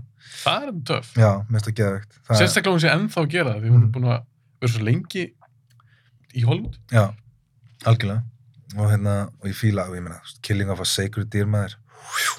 Þannig að, er búin að sjá hana? Já, Fast hann ekki góð? jú. Já. Ah. En mér finnst líka Lobster. Ég vil sjá Lobster, hana. já, já, hún er, já, er- ég er búin að, ertu búin að sjá Dogtooth? Nei, Eða fyrir sko- maður aftar? Nei, málið er þessi gæi, Já. Jorgos Lanthimos. Lanthimos. Já. Þetta er gauð síðan aðeins að kynna um betur. Þetta er bara, hann, hann er, hann, er, Hann er nuts. Og Ég meina þessi hrós. ég, me, ég, me, ég er að segja það, þú þart að sjá Dogtooth, sko. Hún fokkar manni upp, sko. Já, ég þarf að, ég þarf að sjá hana. En, en það er eins og hérna, Killing of a Sacred Deer er með þetta dæmi einmitt þarna í lokin, þegar að, spoiler alert, þegar hann er, þarf að velja hvernig hann á að drepa, skilji. þá skilji. er maður bara, er hann að fara að gera það? Þú veist, það getur ekkit verið, hann, þú veist, hann getur ekkit valið, þú veist, það er bara eitthvað, Fuck, það er góð mynd. hún er En- rosa. En mér veist, já, við ætlum ekki að tala um, Nei. við getum alltaf nördast endalust, Já, en það er leiksturinn sem að mér veist rosalega hóður. já, Ég þarf að kynna mér, hann ger líka, heitur hún ekki The Favourite. jú, já, hún var áhuga. Hann er búin að gera ykkur, hvað, 5-6 myndir? Það er ekkert það margar. Hann gerir Dogtooth og eina og undan því held ég sem er eitthvað svona grísk, Lobster fyrsta ameríska, Killing of a Secretary og svo Favorite, já. Lobster fannst mér líka, Já. ég hef sjálf að hleyja mikið um þetta. Hún er svo, Hún er svo fyndin. Svo fyndin. John C. Reilly, maður. Shout out á hann. Sjálf að bara hann. það er geggjaður í þeirri mynd, sko. Já, að mér Nei. veist líka, já, Conor Farrell líka aðeinslur. Já, Anja Taylor-Joy, heitur hún það ekki lengur. jú. Hvernig fýlar hana? Hún er að koma svolítið upp. Já, hún hérna Ung. mjög ung, ég hef ekki séð hérna, Last Night in Soho, jú, ég hef séð hana hún til henni. ég hef séð hana, Hvað er Hún- það að hugsa með Anja það er Taylor-Joy? sem hana Bobby Fischer hana, skákmyndin skák, Queen's, Ga- já, Queen's Gambit, já. Það, það, er- það er eitthvað sjónvarsendir, já, þú horfur ég, ekki ég, svona ég, ég veit það en ég hef heyrt að það, þú veist, það er það sem er komin er basically í mainstream Mhm. áhorfandan hérna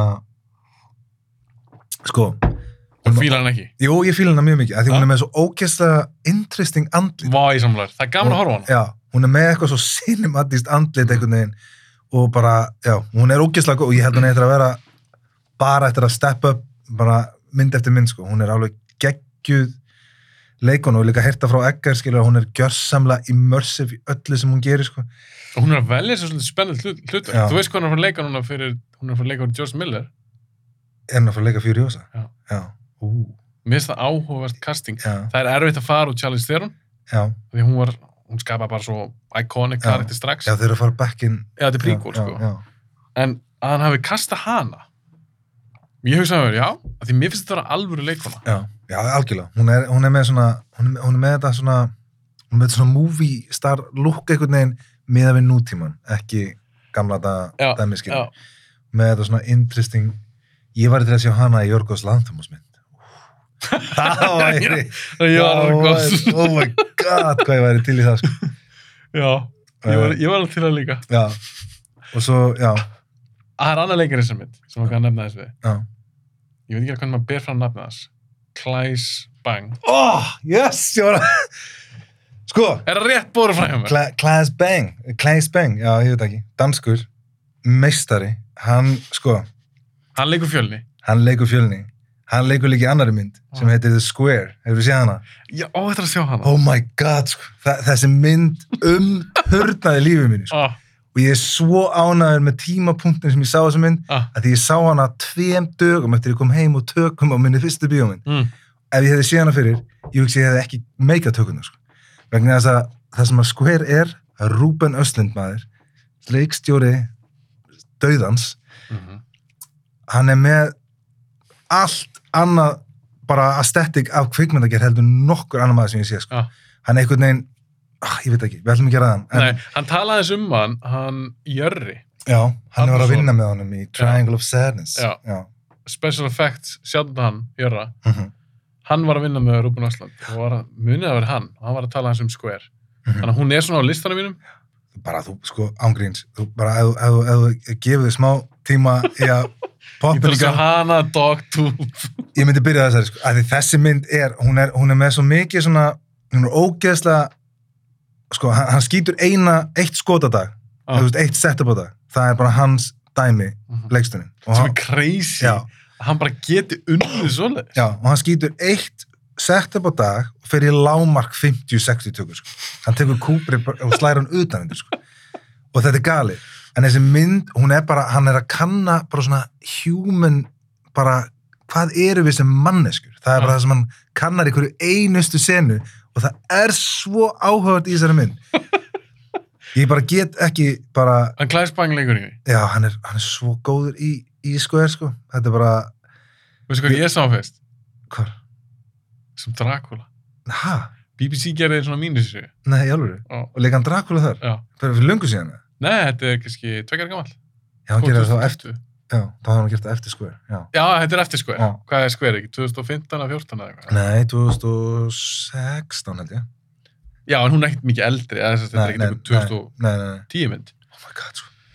Ég er bara að horfa á þessu mynd, sko. Ég er bara, oh my god, sko. en ok hann leiksast Dracula það er Já. mín kynna á honum Já. mér varst hann mér sér hann ekkert svakalega góð Nei. en mér varst hann æðislur ég var bara Já. hvaða gaur er þetta Já.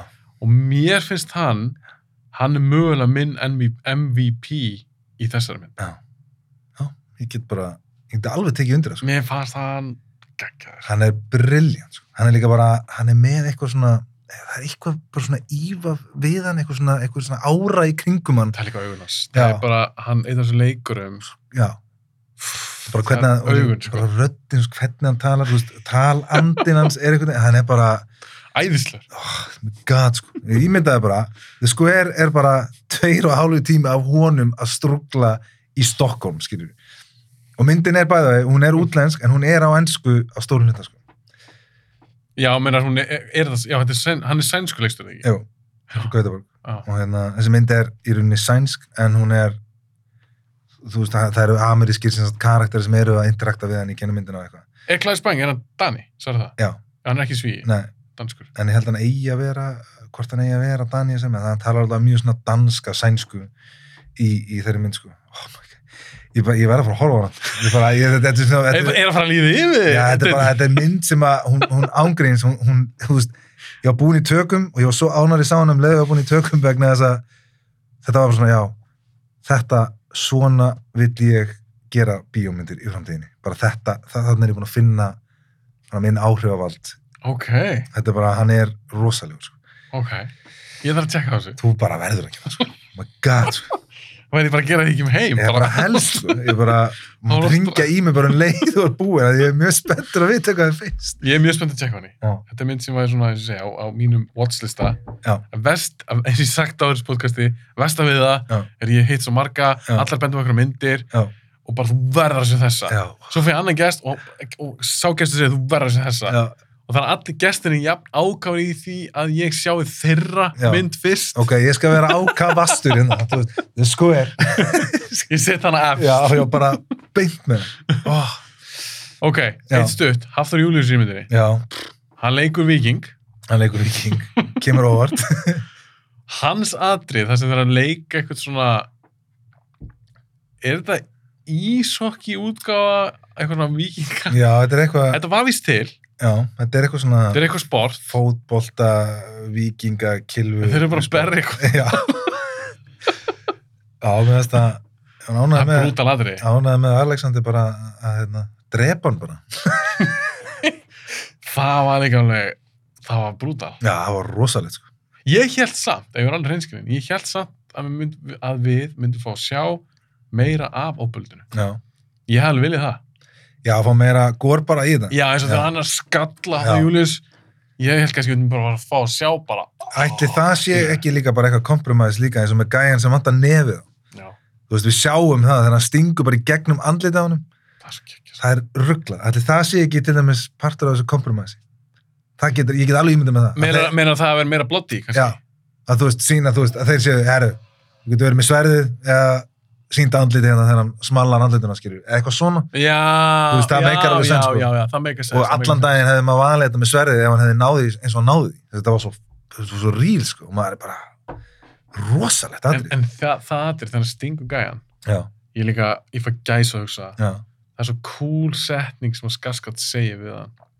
Já. Hann setur, hann setur sverða alveg fyrir hann. já, En þegar hann, þegar hann var ungu strákur, þá skar hann akkurat nefa af honum. já, og hann segir eitthvað svona núna er úlfurinn orðin fullorðin já, eitthvað, e, e, bara hann segir the young wolf that cut your eitthvað, nose off Já. eða eitthvað er komið núna til þess að ná í afgangin Já. og stingur síðan Geðveikt. þess að Já. gjörgjá þetta er rosalegt sko. þetta er rosalegt, sko. líka bara maður er Drill. inn í aðrin, sko. maður, þú veist, maður er ekkert að kötta á það, einmitt þetta sem við erum að tala um með kötti þetta er svo cool sko. Já. ah, myndanlega bara svona, já, bara Og á sjáum þeim það. tveimur já, og hann maður er með bara, sverði Já. og það er ekki kött að hún fer ekki frá nei hann bara fyrir gegn Já, og þú býst svo mikið við því, þú býst svo mikið við hinu sjónarotninu eða eitthvað staðar eitthvað, Já. þessum að, á já, þannig kemur feikið eitthvað, þannig brúðan eða eitthvað, þú veist, Nei. bara, áh, Hvern, hvernig fannst þér atrið? Það er eitt atrið í myndinni kannski miðri mynd, þegar hann næri sverðið já, og þar berst hann við virðist vera eins og var það náttúrulega ekkit, það var ekkit fætt nei, ég meina þú dúkar það þannig bara, þetta var í hausnum á honum já, ég, ég fekk helviti áhugaverða sín á þetta Já. frá félagin minni sem var í bíó, ég er alveg að gefa honum þetta kreta, því ég satt um svolítið á þessu, Mm. það sem ég fílaði við þetta var að það var ekkit verið að útskýrta fyrir okkur, Nei, en það sem hann kom með á þetta var, uh, það sem við sáum fyrst, bardaðan og allt það, bestu eitthvað svona hálfgerðan risa bara já, dauðan, dauðan, já, bara eins og eitthvað zombi eða eitthvað að það sé sagan sem verður sögð þú veist við heyrum þessa sögu hann fer inn og en í raun Já, já, Já. já, já, þú meina þegar aðri vikingar segja sögun af Amleð og hvernig hann hendi sína á nákvæmlega þegar hann fekk sverðið, þá þurfti hann sko að berjast við Mm. Já, en í rauninni finna bara niður og það er geðvægt, mér finnst það geðvægt Já, þú meina að Eggers hafi, vá, ég hugsaði ekki þannig, ég meina að Eggers hafi sínt okkur báðrútgáður, já, sínt okkur það sem verður legendið, en sagan, nákvæmlega en við akkurat, fengum líka svo römmuleik. Já. mér finnst það geðvægt Já, ok, ég tólka þetta þannig að þetta væri henni eins og hans, en það meika messans. já, við hefst, ég veit ekki, mér, Já. þetta, mér finnst það bara gott En mér finnst þetta gott teik, já, mér finnst það geðvægt sko. af því allar svona sögur, eitthvað Já. svona legends, þetta er alltaf íkt. já, alltaf, já, íkist alltaf með árónum og eitthvað, já, mér finnst það, já þetta er alltaf, mér finnst bara, þegar hann saði þetta, þá var ég bara klálega, þetta er Vá, þá er sem aðrið ennþá svalara. Já, nákvæmlega. Og það er svo geðveikt maður þegar við erum hann að, hann er að tekur hann og svo ætlar hann að högga haus, eh, hann höggur hausin að hann eða ekki. Jú, og hann gerir það er það geðveikt, geggjað. sko, í hérna s- mána skugganum skilur og svo bara pönum við tss, og þá er hann bara, þetta er, oh my god, sko. þetta er kvikmynd að gera. Jú, sko. Það- Þarna ertu bara með eitthvað listamann sem er að setja ykkur að sín á borðið til þín, sko. Af því ég var þeirra, ég var í, sérst, í bíónu þegar horfða myndina og Já. þetta atrið kom þá var ég alveg bara uh, því, svolítið skríti Já. þetta var svo yfirnáttúrulegt Mm -hmm. svolítið meika sens að svo, svona fyrir myndaðal bara Já. hann bara tekur sér Já. það var, hann var, barðist aldrei við eitthvað zombi risa eitthvað, Nei. Mér finnst það- Já, mér finnst það geðið, sko. Og það sem mér finnst líka geðið er að það var ekkert verið að mata þessu hún í okkur. nei, þú veist, það var ekkert að koma með eitthvað, það hefði verið svo klassíst dæmi eitthvað, sitt eitthvað, eitthvað e- við varðald að segja, já, við veitum þetta íkist allt með sögum í frændin, ef að þetta er hans sínskilur eitthvað, þú múið svona að segja okkur frá því bara þannig, ef við myndum ekki vita hann skilur, en mér finnst það geðvægt að það sé ekki farið til það, og það eru margar svona smá atriði við þessa mynd sem er líka geðveikt, sko. Mm. og það er það hérna, til dæmis sem það er að sé mömmu sína fyrst í þennan fullorinn þá er hún að henda einhverjum hænum hann út um gluggan eða- já, já, já, já. við erum bara í einhverju víðu skoti heyrum aðeins svona óminn af röddinn hennar en við erum ekkert að fara nær við erum bara í hans sjónarhóðni Mm svo bara á honum og svo bara búið og það er ekkert verið að þú veist en ef þú hefði verið með eitthvað, hérna, eitthvað Hollywood system punktur iskilur það hefði verið víða skotið svo hefði farið að þetta er mammans þetta er mammans já, já, ef þú ert eitthvað í- ef ef þú ert Ah, evins já, já nákvæmlega Já.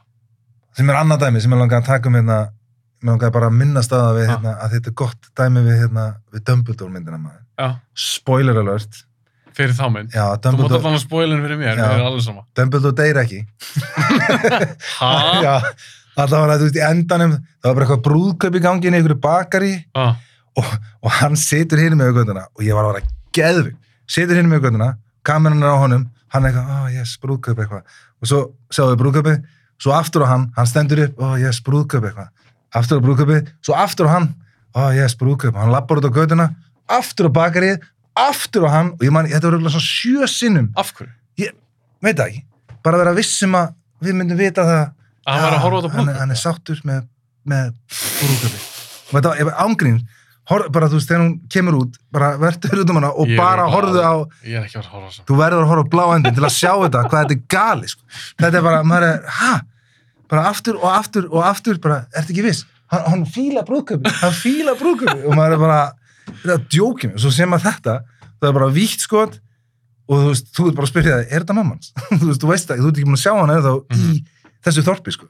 Nei, nei, nei. þannig að þú veist, þetta er bara þú bara make up your own mind eða býttu bara aðeins og við segjum það þetta smá Þú veist, Nákvæmlega. þú veist. Vertu þólumóður. já, nákvæmlega, sem ég geðu Mér finnst það svo fyndi, ég hef alveg lent stundum í því. Ég ætla aðeins að, ég ætla að skjóta smá á kærastunum mína. já, Ég hef alveg lent í því, mér finnst mjög gana að horfa með henn á bíómyndir Já. og hún er mjög góður áhörandi, hún er ekkert í síman, veit, hún er bara, já, hún elskar að horfa á góða myndir. Sérstaklega ef það er eitthvað svona spennandi og eitthvað. alltaf ekki að fá hann í þáttinu Uh, nei, ég hugsa ekki. Ég hugsa ekki. Er þið búin að- Kíló? já, sem fastakesturinn, hann Já. nefndi þetta ekki sem við mig bara eitthvað, það er ekkert sem að fá kæristu það getur verið mjög gaman nei, ég vil hafa svona smá aðskil líka Já. bara svona mitt, mitt engalíf já, en hún til dæmis er svona pínu gjörna sérstaklega hún verður mjög spennt já, um horfum mynd þá kannski, sp- það, það gerist eitthvað í, í, í myndinni já, og ég kannski, þetta er kannski mynd sem ég er að sjá í fyrst skipti já, já. og ég veit ekki alveg strax af hverju það gerist eða af hvað þetta þýtti Já. en ég, ég býð bara eins já, já, sjá hvað gerist Já, en hún spyrst, hvað, akkur er hann ekki þetta? já, Skilur hvað ég? Já. Hann er bara spennt, hún er alveg sokkinn í söguna Já. og, mig langar sem þú se- og ég segi líka til hana ef ekki bara horfa á myndina Já. skilur já, við, já, ef að myndin klárast Já.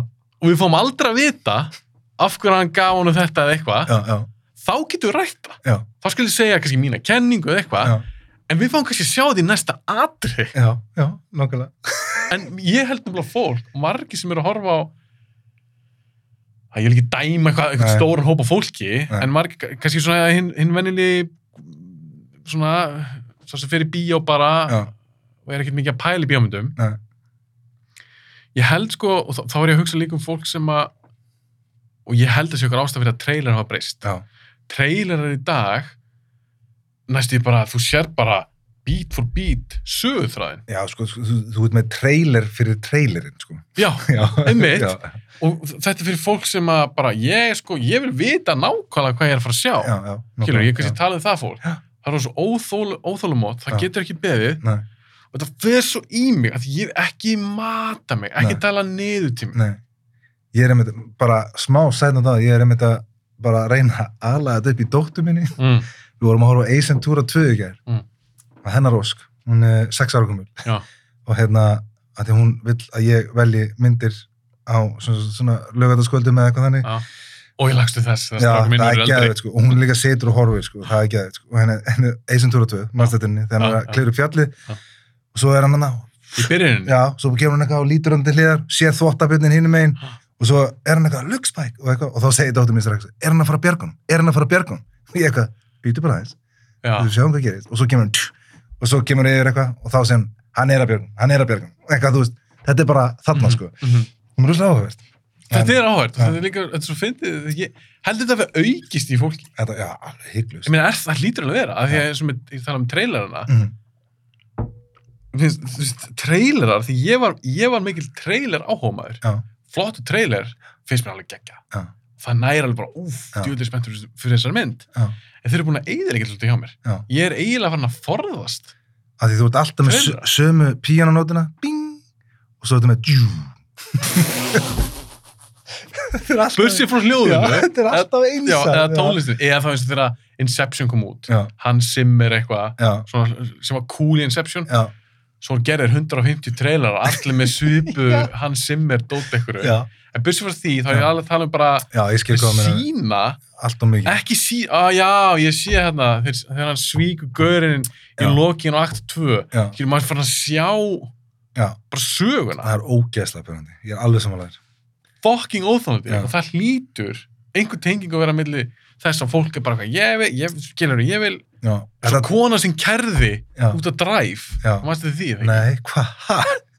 þegar hún, að því að dræf Já. dræf, að því hún held hún var að fara að sjá eitthvað svona fast and Fast and Furious. já, já, emmitt, já, dræf er alltaf alls ekki það God. en hún bara sá treynin, en þetta er bara algjör kæft af, ég held að Já. það kært kvikmyndahúsi eða eitthvað, já, já, Vá. Þa, það er svo allt stúdíusystem að fara bara í panik já, já, nú þurfum bara að sína nák þetta er svona þarf að já þetta er, já, þetta er gali sko. fucking óþálega Nei, ég meina ég er alveg saman og þetta er hérna þetta er líka bara já, ég veit ekki hvað þetta er, þetta er náttúrulega bara í dag eftir með, þú, þú, þú of, mataður af alls konar möguleikum til að horfa á dót skilur Netflix eða Disney Já, já, eða já, HBO eða whatever skilur og ef þú fílar það ekki þá bara stoppar það og heldur áfram skilur þannig að þau þurfum alltaf að reyna að ná þér einhvern veginn þannig að ég veit ekki en eins og með bíó, ég meina er það ekki málið þeir eru bara að reyna að ná þér inn í salin Jú, þeir bara, þeir bara, þeim er alveg sama hvernig þeir ná þér þeir bara komdu inn í salin og ég meina, Ég, sko, ég, það er einn teaser alltaf, ég, nú er ég að pæla hvernig sé eitthvað svona fölsk minning, Mhm. mér líður eins og ég hef sér teaser fyrir uh, sástu vampirmynd hans Carpenter, Vampires Nei. með James Woods Nei. mjög skemmtileg mynd, ok, ekki góð en mjög skemmtileg ok því Carpenter myndir eru mjög upp og niður Mm, já, já. en mér minnir, ég hef séð í bíó bara, ef við nú talum í gamla, í stjörnubíó bara, þú veist, myndin frá 98 Já. mér minnir ég að sé teaser fyrir Vampires á þeim tíma það sem kom bara næstu í bara svona bara flass, bara svona búm, já, hvort það var eitthvað svona vampir á vegg eða eitthvað, já, svo bara pff, letur, Vampires og svo bara búið já, Já. svo prófum, mér minnir það, Já, þetta er kannski já. einhver fölsk minning ég held, ég held mér að ég hef leitað svo YouTube ekki fundið þetta, já, mér minnir þetta en þá nótis að bara hana wow, já, ég, mér langar að, s- hvað er þetta? Mér langar að Já. sjá þetta. já. Þetta er nóg. Þú þarft ekki að sína alltaf fucking sögum. Nei. Breilin. Nei, þetta er líka um þessu Dark Knight trailer, maður setti tísetum að því, fyrsta Mhm. hana. My god, hvað ég var spenntur fyrir því. Nólan reynda heldur góður í að, Það er spurning hvernig hann gera það sjálfur eða ekki. já, en það, þetta virðist verið með allar hans myndir. Já. M- e, Þú veist ekkit almenn alltaf söguna. Nei. Þó að þessi trailerinn fyrir Dark Knight, Já, þú vissir ekkit nákvæmlega um hvað hann væri. nei, nákvæmlega. Nei, það er alveg, Ekki Getur hendur ekki- Inception. nei, þú getur alveg gert það vel, skilur, en ég meina, ég veist, já, en þegar þetta komið út í eitthvað svona stúdíosystem, ég meina, þetta er bara, þetta er allt annað, ég meina, þú veist, fucking trailerin á hérna, hvað heitir hún, Doctor Strange, maður, sem sem kom á undan. Ég vissi ekki hvernig ég ætlaði, sko, bara, hvað er, hvað er það að gera? Ég ætla, samt, ég ætla samt að sjá hana og ég ætla að gera þátt um Dr. Strange. Ok. Marvel er svo ógislega vinsæl. En ég sagði við, ég sagði við félag minn. Ég sagði við félag, ég fór í bíó um daginn á Everything, Everywhere, All at Once. Já, mér langar að sjá hana. Já, æðislega ruggluð og skemmtileg mynd Já. það var svo gaman að sjá eitthvað nýtt og ferst já, og Dr. Strange trailin var undan Mhm. ég sagði félagin minn að ég er alveg overdue nörd mhm, ég hallaði mér félagin minn og ég sagði veistu það, ég held að þessi myndi sem ég segi eftir hana, ég held að ég sé búin að tjekka mig út, út, út um marvulina Já. ég held það sko já. Þetta er náttúrulega allt og mikið. sko. En þetta er líka bara svo underwhelming Já. og svo segi trailerin fyrir nýju þórmyndina Já. hvað er spennandi við þetta? Já, Ekki neitt. ég bara, ég er ekki að fatta Ég veit ekki hvað þetta er. Og það er líka annað sem er áhugavert við það. Ég meina, þegar ég fór á þessum daginn hann, það var ekki einn trailer á undan þessari mynd sem var ekki annarkvort framhaldsmynd eða endurgerð. Þú veist, hvað er... sem er sorglegt Það sem er gali, sko. Já, en, Gaman. mér- en mér finnst það bara svo gaman núna því nú er ég búin að sjá ég, ég sá ó, ísl, ísl, ísl, íslenska myndi, ég sá u- uglur ég sá Mhm. berðdreimi, skjálta Já. ég er rosa ánægð með þær allar uh, svo svo Everything Everywhere All at Once mhm, Northman, Já, yes já. skilur, gaman, en líka alveg gaman að sjá þetta í Já, bíói það er bara stiðja Skilur. við, bara mæta af til að þú veist, stiðja við það, sko. Sti, já, sti, við þurfum að fá fleiri svona myndir Já. Alveg hygglust, já. af því að annars verður þetta bara skyndibindi Það enda með því og það verður það. 100%. þú, já, þú ert alveg á því Já, ég meina, ég meina, þú veist, heldur hann myndir svo The Northman ég, hún var komum bara ekki til bíó eftir tíu ár en hún, þessi floppar, sko, alveg 100%. Ég sé Já. ekki hvernig hún er eftir að græða, hún er allt og allt í fyrir að hún er aldrei, held, þú veist, ef hún er 100 miljónum, hún kemur kannski út á sléttu. Ég veit ekki, ég er ekki búin að fletta upp box-office tölunum, en serðu fyrir að þessi mynd græði 300 miljónir dólara? Nei, aldrei. Nei, ég, ah, ég held að það sé Aldrei. eina talan sem getur komið út. En svo er náttúrulega annað líka í þessu, minni að Víkingadótt, Víkingadótt, er það vinsælt? Jú, reynda Vikings þættin er vist mjög vinsæli, sko. Já. Og það er rosalega slæmt líka, skilur, vegna þess að þú veist, þessi mynd á þetta að koma, þú veist, og hún á pott þetta að fá eitthvað svona Oscars börs, sko, þegar það kemur. Heldur það? Ég held ekki. Jó, ég held að, hún á þetta kvikmynd að taka maður, eða ekki, allan daginn, sko. Já, ég, Og ég, tónlist. held, ég held ekki. Og tónlistin líka, ég held að, ég held að þetta tventi eftir að fara eitthvað, kæmur ekkit á óvart að þetta fari lengra í eitthvað svona handrit og eitthvað, þetta er þetta hamlet dæmi, það er eitthvað þeir alltaf fer alls konar þannig sitt inn í Óskari líka, sko. Ég veit það ekki, svo kannski veit maður ekki, maður veit ekki hvað kemur út. En restina af hvað árinu. hva heldur að, heldur að Egg- Egg- Eggers fari bara aftur í Ég veit alltaf að vona... 11-12 miljón dólar myndir og... ég ætla að vona að hann geri Nosferatu næst allavega Hann er búin að tala um það. Já. Mér langar rosa mikið að gera Nosferatu þátt. Já, Kannski meir upp á fönni að því hún er 100 ára gömul. já, Hún er hefur frá þú 1920 séð hana? Ég hef séð hana. Já. Hún er frá 1922. Svo hann í bíó. Þú sast því bí. Já, bara frumsynningu. svo. Nei. Ertu vampir? Já, Já, nákvæmlega. Nei, ég sá hann í kveikmyndaskólan, hún var sínd uh, í bíó þá. já geggja Já, maður. það var geggjað. Það Ég er var- nefnilega, em, mér fannst hún heldur flott. Já, Og ég meina þessi myndi fucking 100 ára gömul. ruggla. Af því að hún heldur upp á svona að fagna sínu 100 ára ammali. Já. Það langar mér svolítið að gera þátt um hana. Þó að séu kannski tíu manneskir frá að hlusta á þann þátt. Nei, heldur það. Nei, ég segi svona. En ég meina, þú getur alveg gert þátt um það og kannski myndina sem hafa komið í kjölfari. Þú veist. Ég, ég mun einhvern tíma gera vampíru þátt, Já, en mér langaði samt að gera þátt sem heitir bara Nosferatu. já, Þetta er, líka, þetta er náttúrulega svo svakalega þekkt mynd. já. Monumental kveikmyndaverk. A a- algjörlega, 100%. Já, En ég einhvern veginn held ekki skerningi næst. Af því að ég, s- í svo viðtalið sem ég las við hann, það sem Já. var að tala um Nosferatu, Já. það er svo að sé eitthvað vesen. já. Hann vil gera hana, hvað sé eitthvað sem duð fjármagn, eitthvað. Já, kannski hjálpar þessi til ef, að, ef hún er undir 30 miljónir eða eitthvað, ég veit ekki Nei, ég veit ekki hvað hann gerir næst, ég meina hann, hann ætlaði ekki að gera hérna Lighthouse, það var uh, þessi átt að vera næst þú veist, hann var búin að vera að skrifa þessa með honum Sjón, var það ekki? Jú, Síðan kemur Lighthouse bara eitthvað svona tsk, fær eitthvað fjármagn Bara allt í því einu bara- eitthvað. Já, og gerir hana sem er rosa ironic og svo fer hún og st- verður ekki successful talandi um líka kveikmyndatökuna ég meina hann, sami tökumar á öllum myndunum hans og hann fekk óskast tilmyndingu fyrir Lighthouse sko. þannig að ég held að þessi fari allan daginn þangað, sko. en er hún samt ekki miklu meira svona, svona á yfirborðinu, meira uník? Jú, svartkvitt og eitthvað leika sem er rammadótið og og samt þessi one takes í þessari mynd sko, líka bara rammarnir í henni maður. þetta er trillt. hún er rugglu sko. og líka eins og varst að segja á hann með hérna byrjunna hún byrjar, hún er með eitt frásagnar form sem er geðveikt hún Já. byrjar á endanum sem er geðveikt, hún byrjar á eldfellinu Já, já, og svo endur, við, þú veist, þetta er bara þannig erum við að fara að enda, skilur við, sem Já. er ógeðslega nett, sko, svona búkendar eða svona já, myndina. sem er svo Hver, geggjað hvernig fannst þér lokafætið?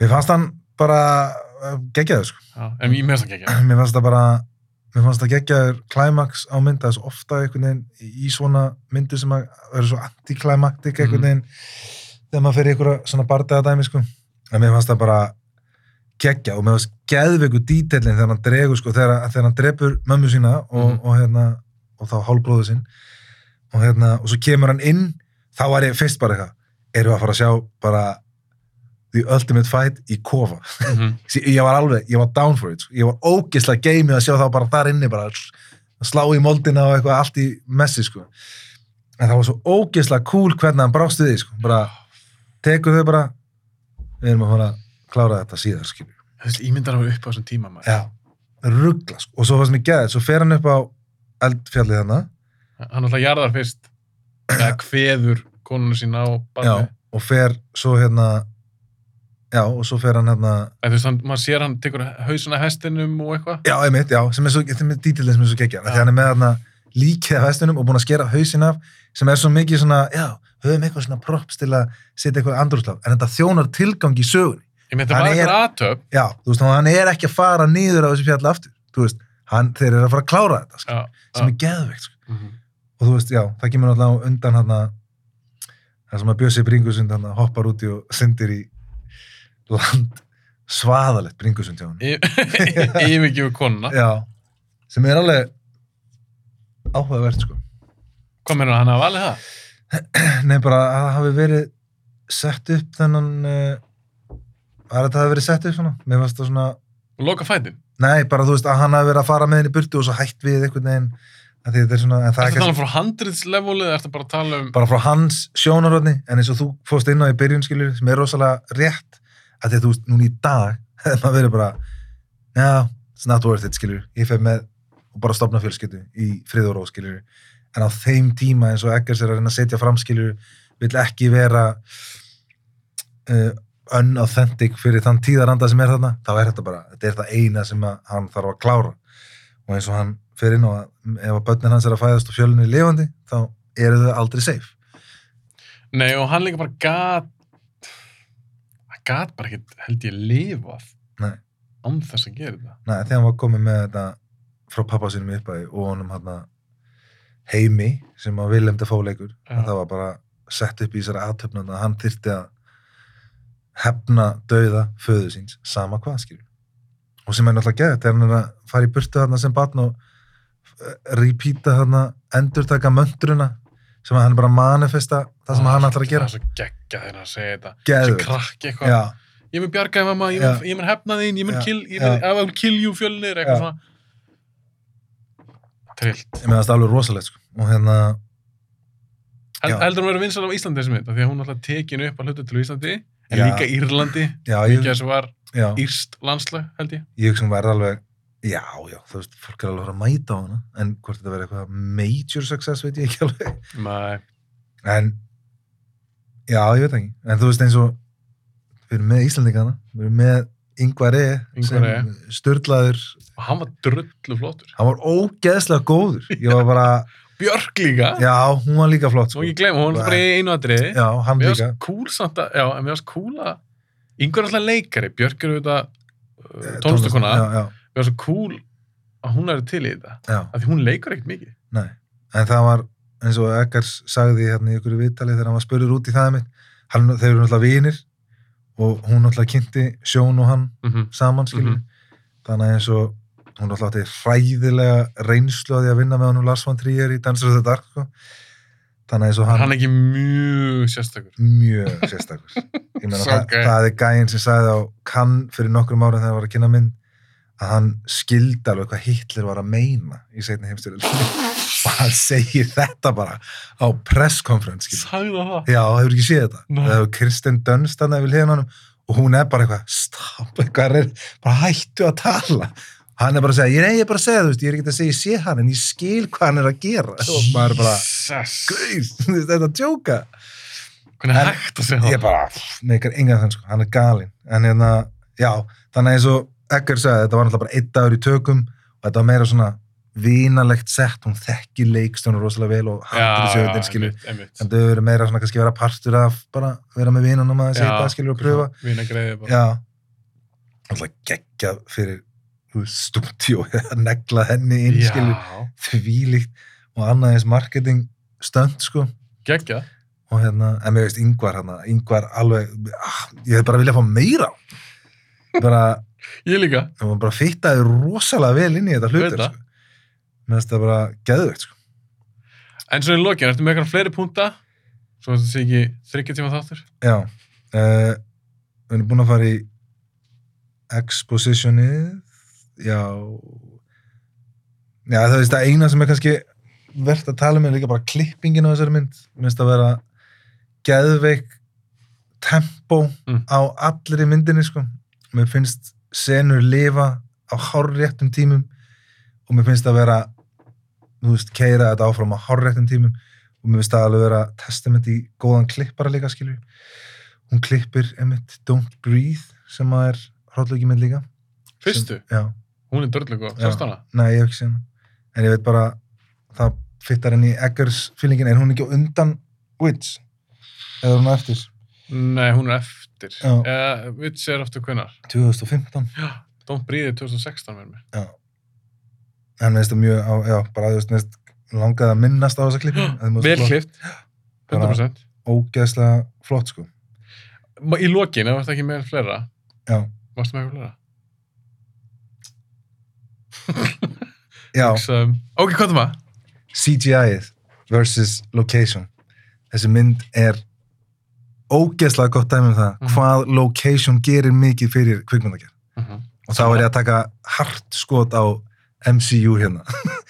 sem er bara í Green einhverjum, screen leðja já, sem er bara allt í einhverju, einhverjum geimi, skilju, sem er skotið í, sem er sumtaði allt í lagi og eitthvað, en þarna bara sína eins og skotið sem við erum að tala um í byrjun þannig í trjánum og fara út í bátinu og eitthvað og bara þorpið þorpið sem að reytið er í gangi í fyrst skilur í þessu vondteki er allt byggt frá grunni og það er byggt á þú veist, fyrir þetta skot Mhm. mm -hmm. vissur það þeir sem sagt færðu Já, þeir með færðu, það. við erum að tala um að þeir færa hús bara um nokkra sentimetra til þess að koma kamerun hana því þeir eru að fara hana veist, þetta er preppið fyrir þess að mynd bara, En ég vil Ah. meina það líka, ég er hundum samanlega Ég vil líka meina það að þegar þú gerir þetta Já. sem kvikmyndagerð maður Já. þótt sér erfiðara og kannski meiri vinna og eitthvað Já. hún mun lifa Já. miklu lengur, hún mun standa miklu frekar standa tímastönn Lion King. heldur en Nei. heldur en eitthvað svona ég meina verður Spiderman eitthvað, eða eitthvað þórmið heldur hún verður flott Nei. eftir 20 ár Nei, skilur þú? ég er bara alltaf að segja bara statement. Ég er ekki vanur að gera það. Ég er heldur þessi nokkuð örugur að geta sagt að það Ah. sé hárrétt skotið hjá þér. sko. Þessar myndir eru svo mikið að reyna að vera í takt við tíman, en ég held að það sé bara ekki alveg rétt. þá verður það nefnilega alls ekki tímalusar Nei, ég held að það sé máli, sko. Og hérna, og það er það sem gerir svona gauðra eins og, þú veist, ekkert sem er með eitthvað sín og eitthvað. Og sama með eins og, hérna, ef við tökum bara, þú veist, létt dæmi eins og með Kubrick, þú veist, Mm. þegar hann var alltaf að gera AI í lokin hann já, En hann vildi ekki gera hana vegna þess að hann held að þetta væri bara ekki, þetta er ekki réttur tími fyrir þessa mynd. Þú veist, að því að hann bara tæknin og allt það sem já, hann já, var að já, leitast að já, já. fyrir það í staðan fyrir bara að ætla að gera hann og nota það sem er núna gerum þessa mynd og klárum hana, þú veist, maður hefði alveg geta gert en Mhm. þú veist, ég held að þetta sé svolítið það sem setur þessa og tór leikstjóra bara á annan stall heldur en þetta work for hire leikstjóra sko. Það- ah, 100% mér Já. veist ekki áhugavert að það er ekki svona að tala með þú veist að tala um CGI Já. það er eitt skot í myndin þegar hann grýpur spjót já, það er tölvigert já, en þú veist þetta er alltaf kannski skoti basically er alvöru en, já, já, en þú veist þegar hann grýpur þetta og þetta er svo splæst eitthvað svona saman já, já. að því að hann var líka að tala um þó að við hefði vilja að gera þetta í alvörunni Já. þá hefur bara bransin breyst það mikið hann er örugglega bara aldrei fengið leiði fyrir því nei, upp á nákvæmlega öryggistandarda, tryggingafélag og eitthvað svona dót já, já, það er mega sænt sko. Þannig að ef, ef hann væri að gera The Northman árið 1974 þá kannski hann komst upp með það, skilur Já, við. já, kasta spjótin í Alexander Skarsgård Eða skilur við, það getur verið eitthvað svona stöndót, eitthvað Já. stöndar, eitthvað. algjörlega, já, En þú, að því að hann vill helst ekki nota CGI, nei, þetta, vill, hann vill gera þetta svona eins alveg og hann getur, authentic bara, já, authentic. Já, og ég meina, hann- og það sést líka, og ég held að það sé líka annað við þetta, hérna, Tarantino orðaði þetta ógeðslega vel á, þegar hann var að gera Once Upon a Time in Hollywood, uppbóls, Tarantino myndið þín. Uppáhalds. Þegar, þegar að, hérna, þeir taka hérna Sunset Boulevard eða, eða hvað hérna, Downtown Hollywood, þegar hann er að keira bílinn Já, eftir götinu og þetta eru, þú veist, þrjár götur eða eitthvað sem hann er með, eða þú veist, þrjár húsalengjur eða eitthvað og svo er þeir bara að skjóta það aftur og aftur og svo hinum einn og hérna, og þeir voru með sem sagt bara authentic stuff inn í búðunum sem þeir breyttu, þannig að þeir var plötubúð þá voru bara plötur frá þeim tíma sem voru vinsælar á Já, já. þeim já. mánuði, bla bla, Þú veist, allt svona dæmi þú sér þetta aldrei, hann er að keira þarna fram hjá skilur en smá öllur skiptumáli. já, og hann segir það að undir meðundinni áhörandunum finnur fyrir dítalunum sem þú ert að leggja á borðið skilur, þó svo þeir sjáu það ekki og ég held að það sé rosalega eigi vel við þessa mynd hjá honum af því að hann leggur svo mikið í þessa litlu dítala Já. þannig að, já, Það skiptumáli. Í lokin, bara svona stött, já, að því að The Northman kom í bíó, kom í sambjóin, þetta var ekki bara bíóparadís, nei það var alveg, þetta- hún síndi alveg nokkrum stórum kaupmynduhúsum í Íslandi og ég er svona að vona ég vona innilega að hún verði minnsæl mm ég hvet fólk eindreitt þess að fara hann í bíó þetta er Sammála. þannig mynd, allir í bíó allir í bíó já, og að því ég er orðinn svona pín stressaður að því nú er þess að Krónuberg að gera nýja mynd Já. verður hún síndi í bíó? ég held ekki Nei, það það er svo sorglegt já, ég veit það, það er rosalegt sko David Lynch er líka að gera nýja mynd er hún ekki að koma út líka þetta er bara, þetta er galið þú meina, En það er líklegra samt að við fáum kannski eins og svoleiðis myndi bíó ef að myndum eins og Northman gengur vel. já, ég veit það þetta er bara, áhörðin er ekki þannig í dag sko Þú veist, það, þetta er einmitt ég myndi segja að þetta var lang erfiðasta kvikmyndaformið þessi tegunda mynd sko sem er 90, 60, 70, 80 miljónir dollara, hvað það er sem þarf að vera í rauninni blockbuster en er samt eitthvað listrænt líka af því þú getur alveg að lifa þá þessu listræna sko með kvikmyndarháttið þá ertu með það Já, já, já, já. sem er annað bara form sem er Mhm. geðveikt.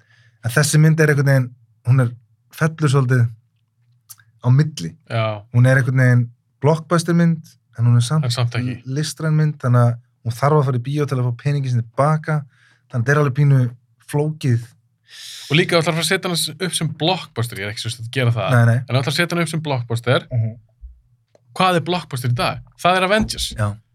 Eða The Batman. Þú Já. veist, þá ætlar að fara að setja Northman við hliðin á þessa, Já. þessa, þessa myndum. Og hún á ekkert breyk í þær. Ég er Nei. ekkert hann um gæðalega séð. Ég Nei, er bara nei. að tala um hvað Já. nútíma áhærandi Það er bara því áhörnandinu... lítur á já, og hvað það kosta. já. Þetta er líka bara því áhörnandinu með eitthvað. Þú nefnir eins og Batman og eitthvað. Þeir eru bara með karakter sem við vita hver er og Mhm. þeim fara bara í tonnavís að sjá þennan karakter. Sama hvaða... Þú veist, hún var geggjuð, en sama hvaða Já, sort þú já. fóðraði með, þeim mæta. Já, Já, já, fólk mætir. þú veist, Spiderman, No Way Home, þú er búin að segja það. Það er líka einmitt þetta sem ég er búin að nefna en aðarhaldi sem er tveir fyrir eitt miðin, Já. þú veist, foreldra að fara með krökkunum sínum, Já. þú veist, þetta er- Fóldar ekki varum böndið sem þessum mynd, til dæmis. Nei. það var, The Northman er ekki tveir fyrir einn. nei. það kannski maður ætti bara að fara aftur til að steyðja við þetta. Já, nákvæmlega. En við vonum það besta og ég vona svo innilega að ef hann gerir Nosferatu, Já. það hefur verið svo cool að hann geta gert hana... Á hundra á ramlunni. Já. Það hefur verið geðveikt, sko. Já. Og ég vil alls ekki að hann sé eitthvað að drífa sig með hana, en það hefur verið töff. Já. En ég vona að hún verið sýnd í bíó og Já. þegar sé bíó þá verið talum í st- öllum kveikmynduhúsum bara og Já. ég, held ég fá það ekki. Nei. Þetta er orðið svo slæmt, sko. Það eru svo margir kveikmyndagera menn sem eru svo góðir sem eru bara að missa þetta, sko. Þú veist eins og Paul Thomas Anderson og Wes Anderson og... Fincher. Og, já, Fincher. Scorsese, Scorsese er að gera fucking Apple Já, mynd. nákvæmlega. Hann er búin að gera Netflix mynd og hann er að gera Apple Já, mynd. hvernig gengur það þegar þegar hann er með DiCaprio, hann er bara með svona mesta... De Niro. og De Niro, hann er með, þú veist, þeir rísa leikara og þeir eru ekki einu sinni að fara í bíó. Það er bara, ha, Þetta er galið. Vil samt vera vongóður. Þetta 100%. Alltaf að voni í hjarta. Herru, ljúkum sem bara, Teitur, takk fyrir að koma. Takk fyrir að hafa mig. Það er geðið þetta.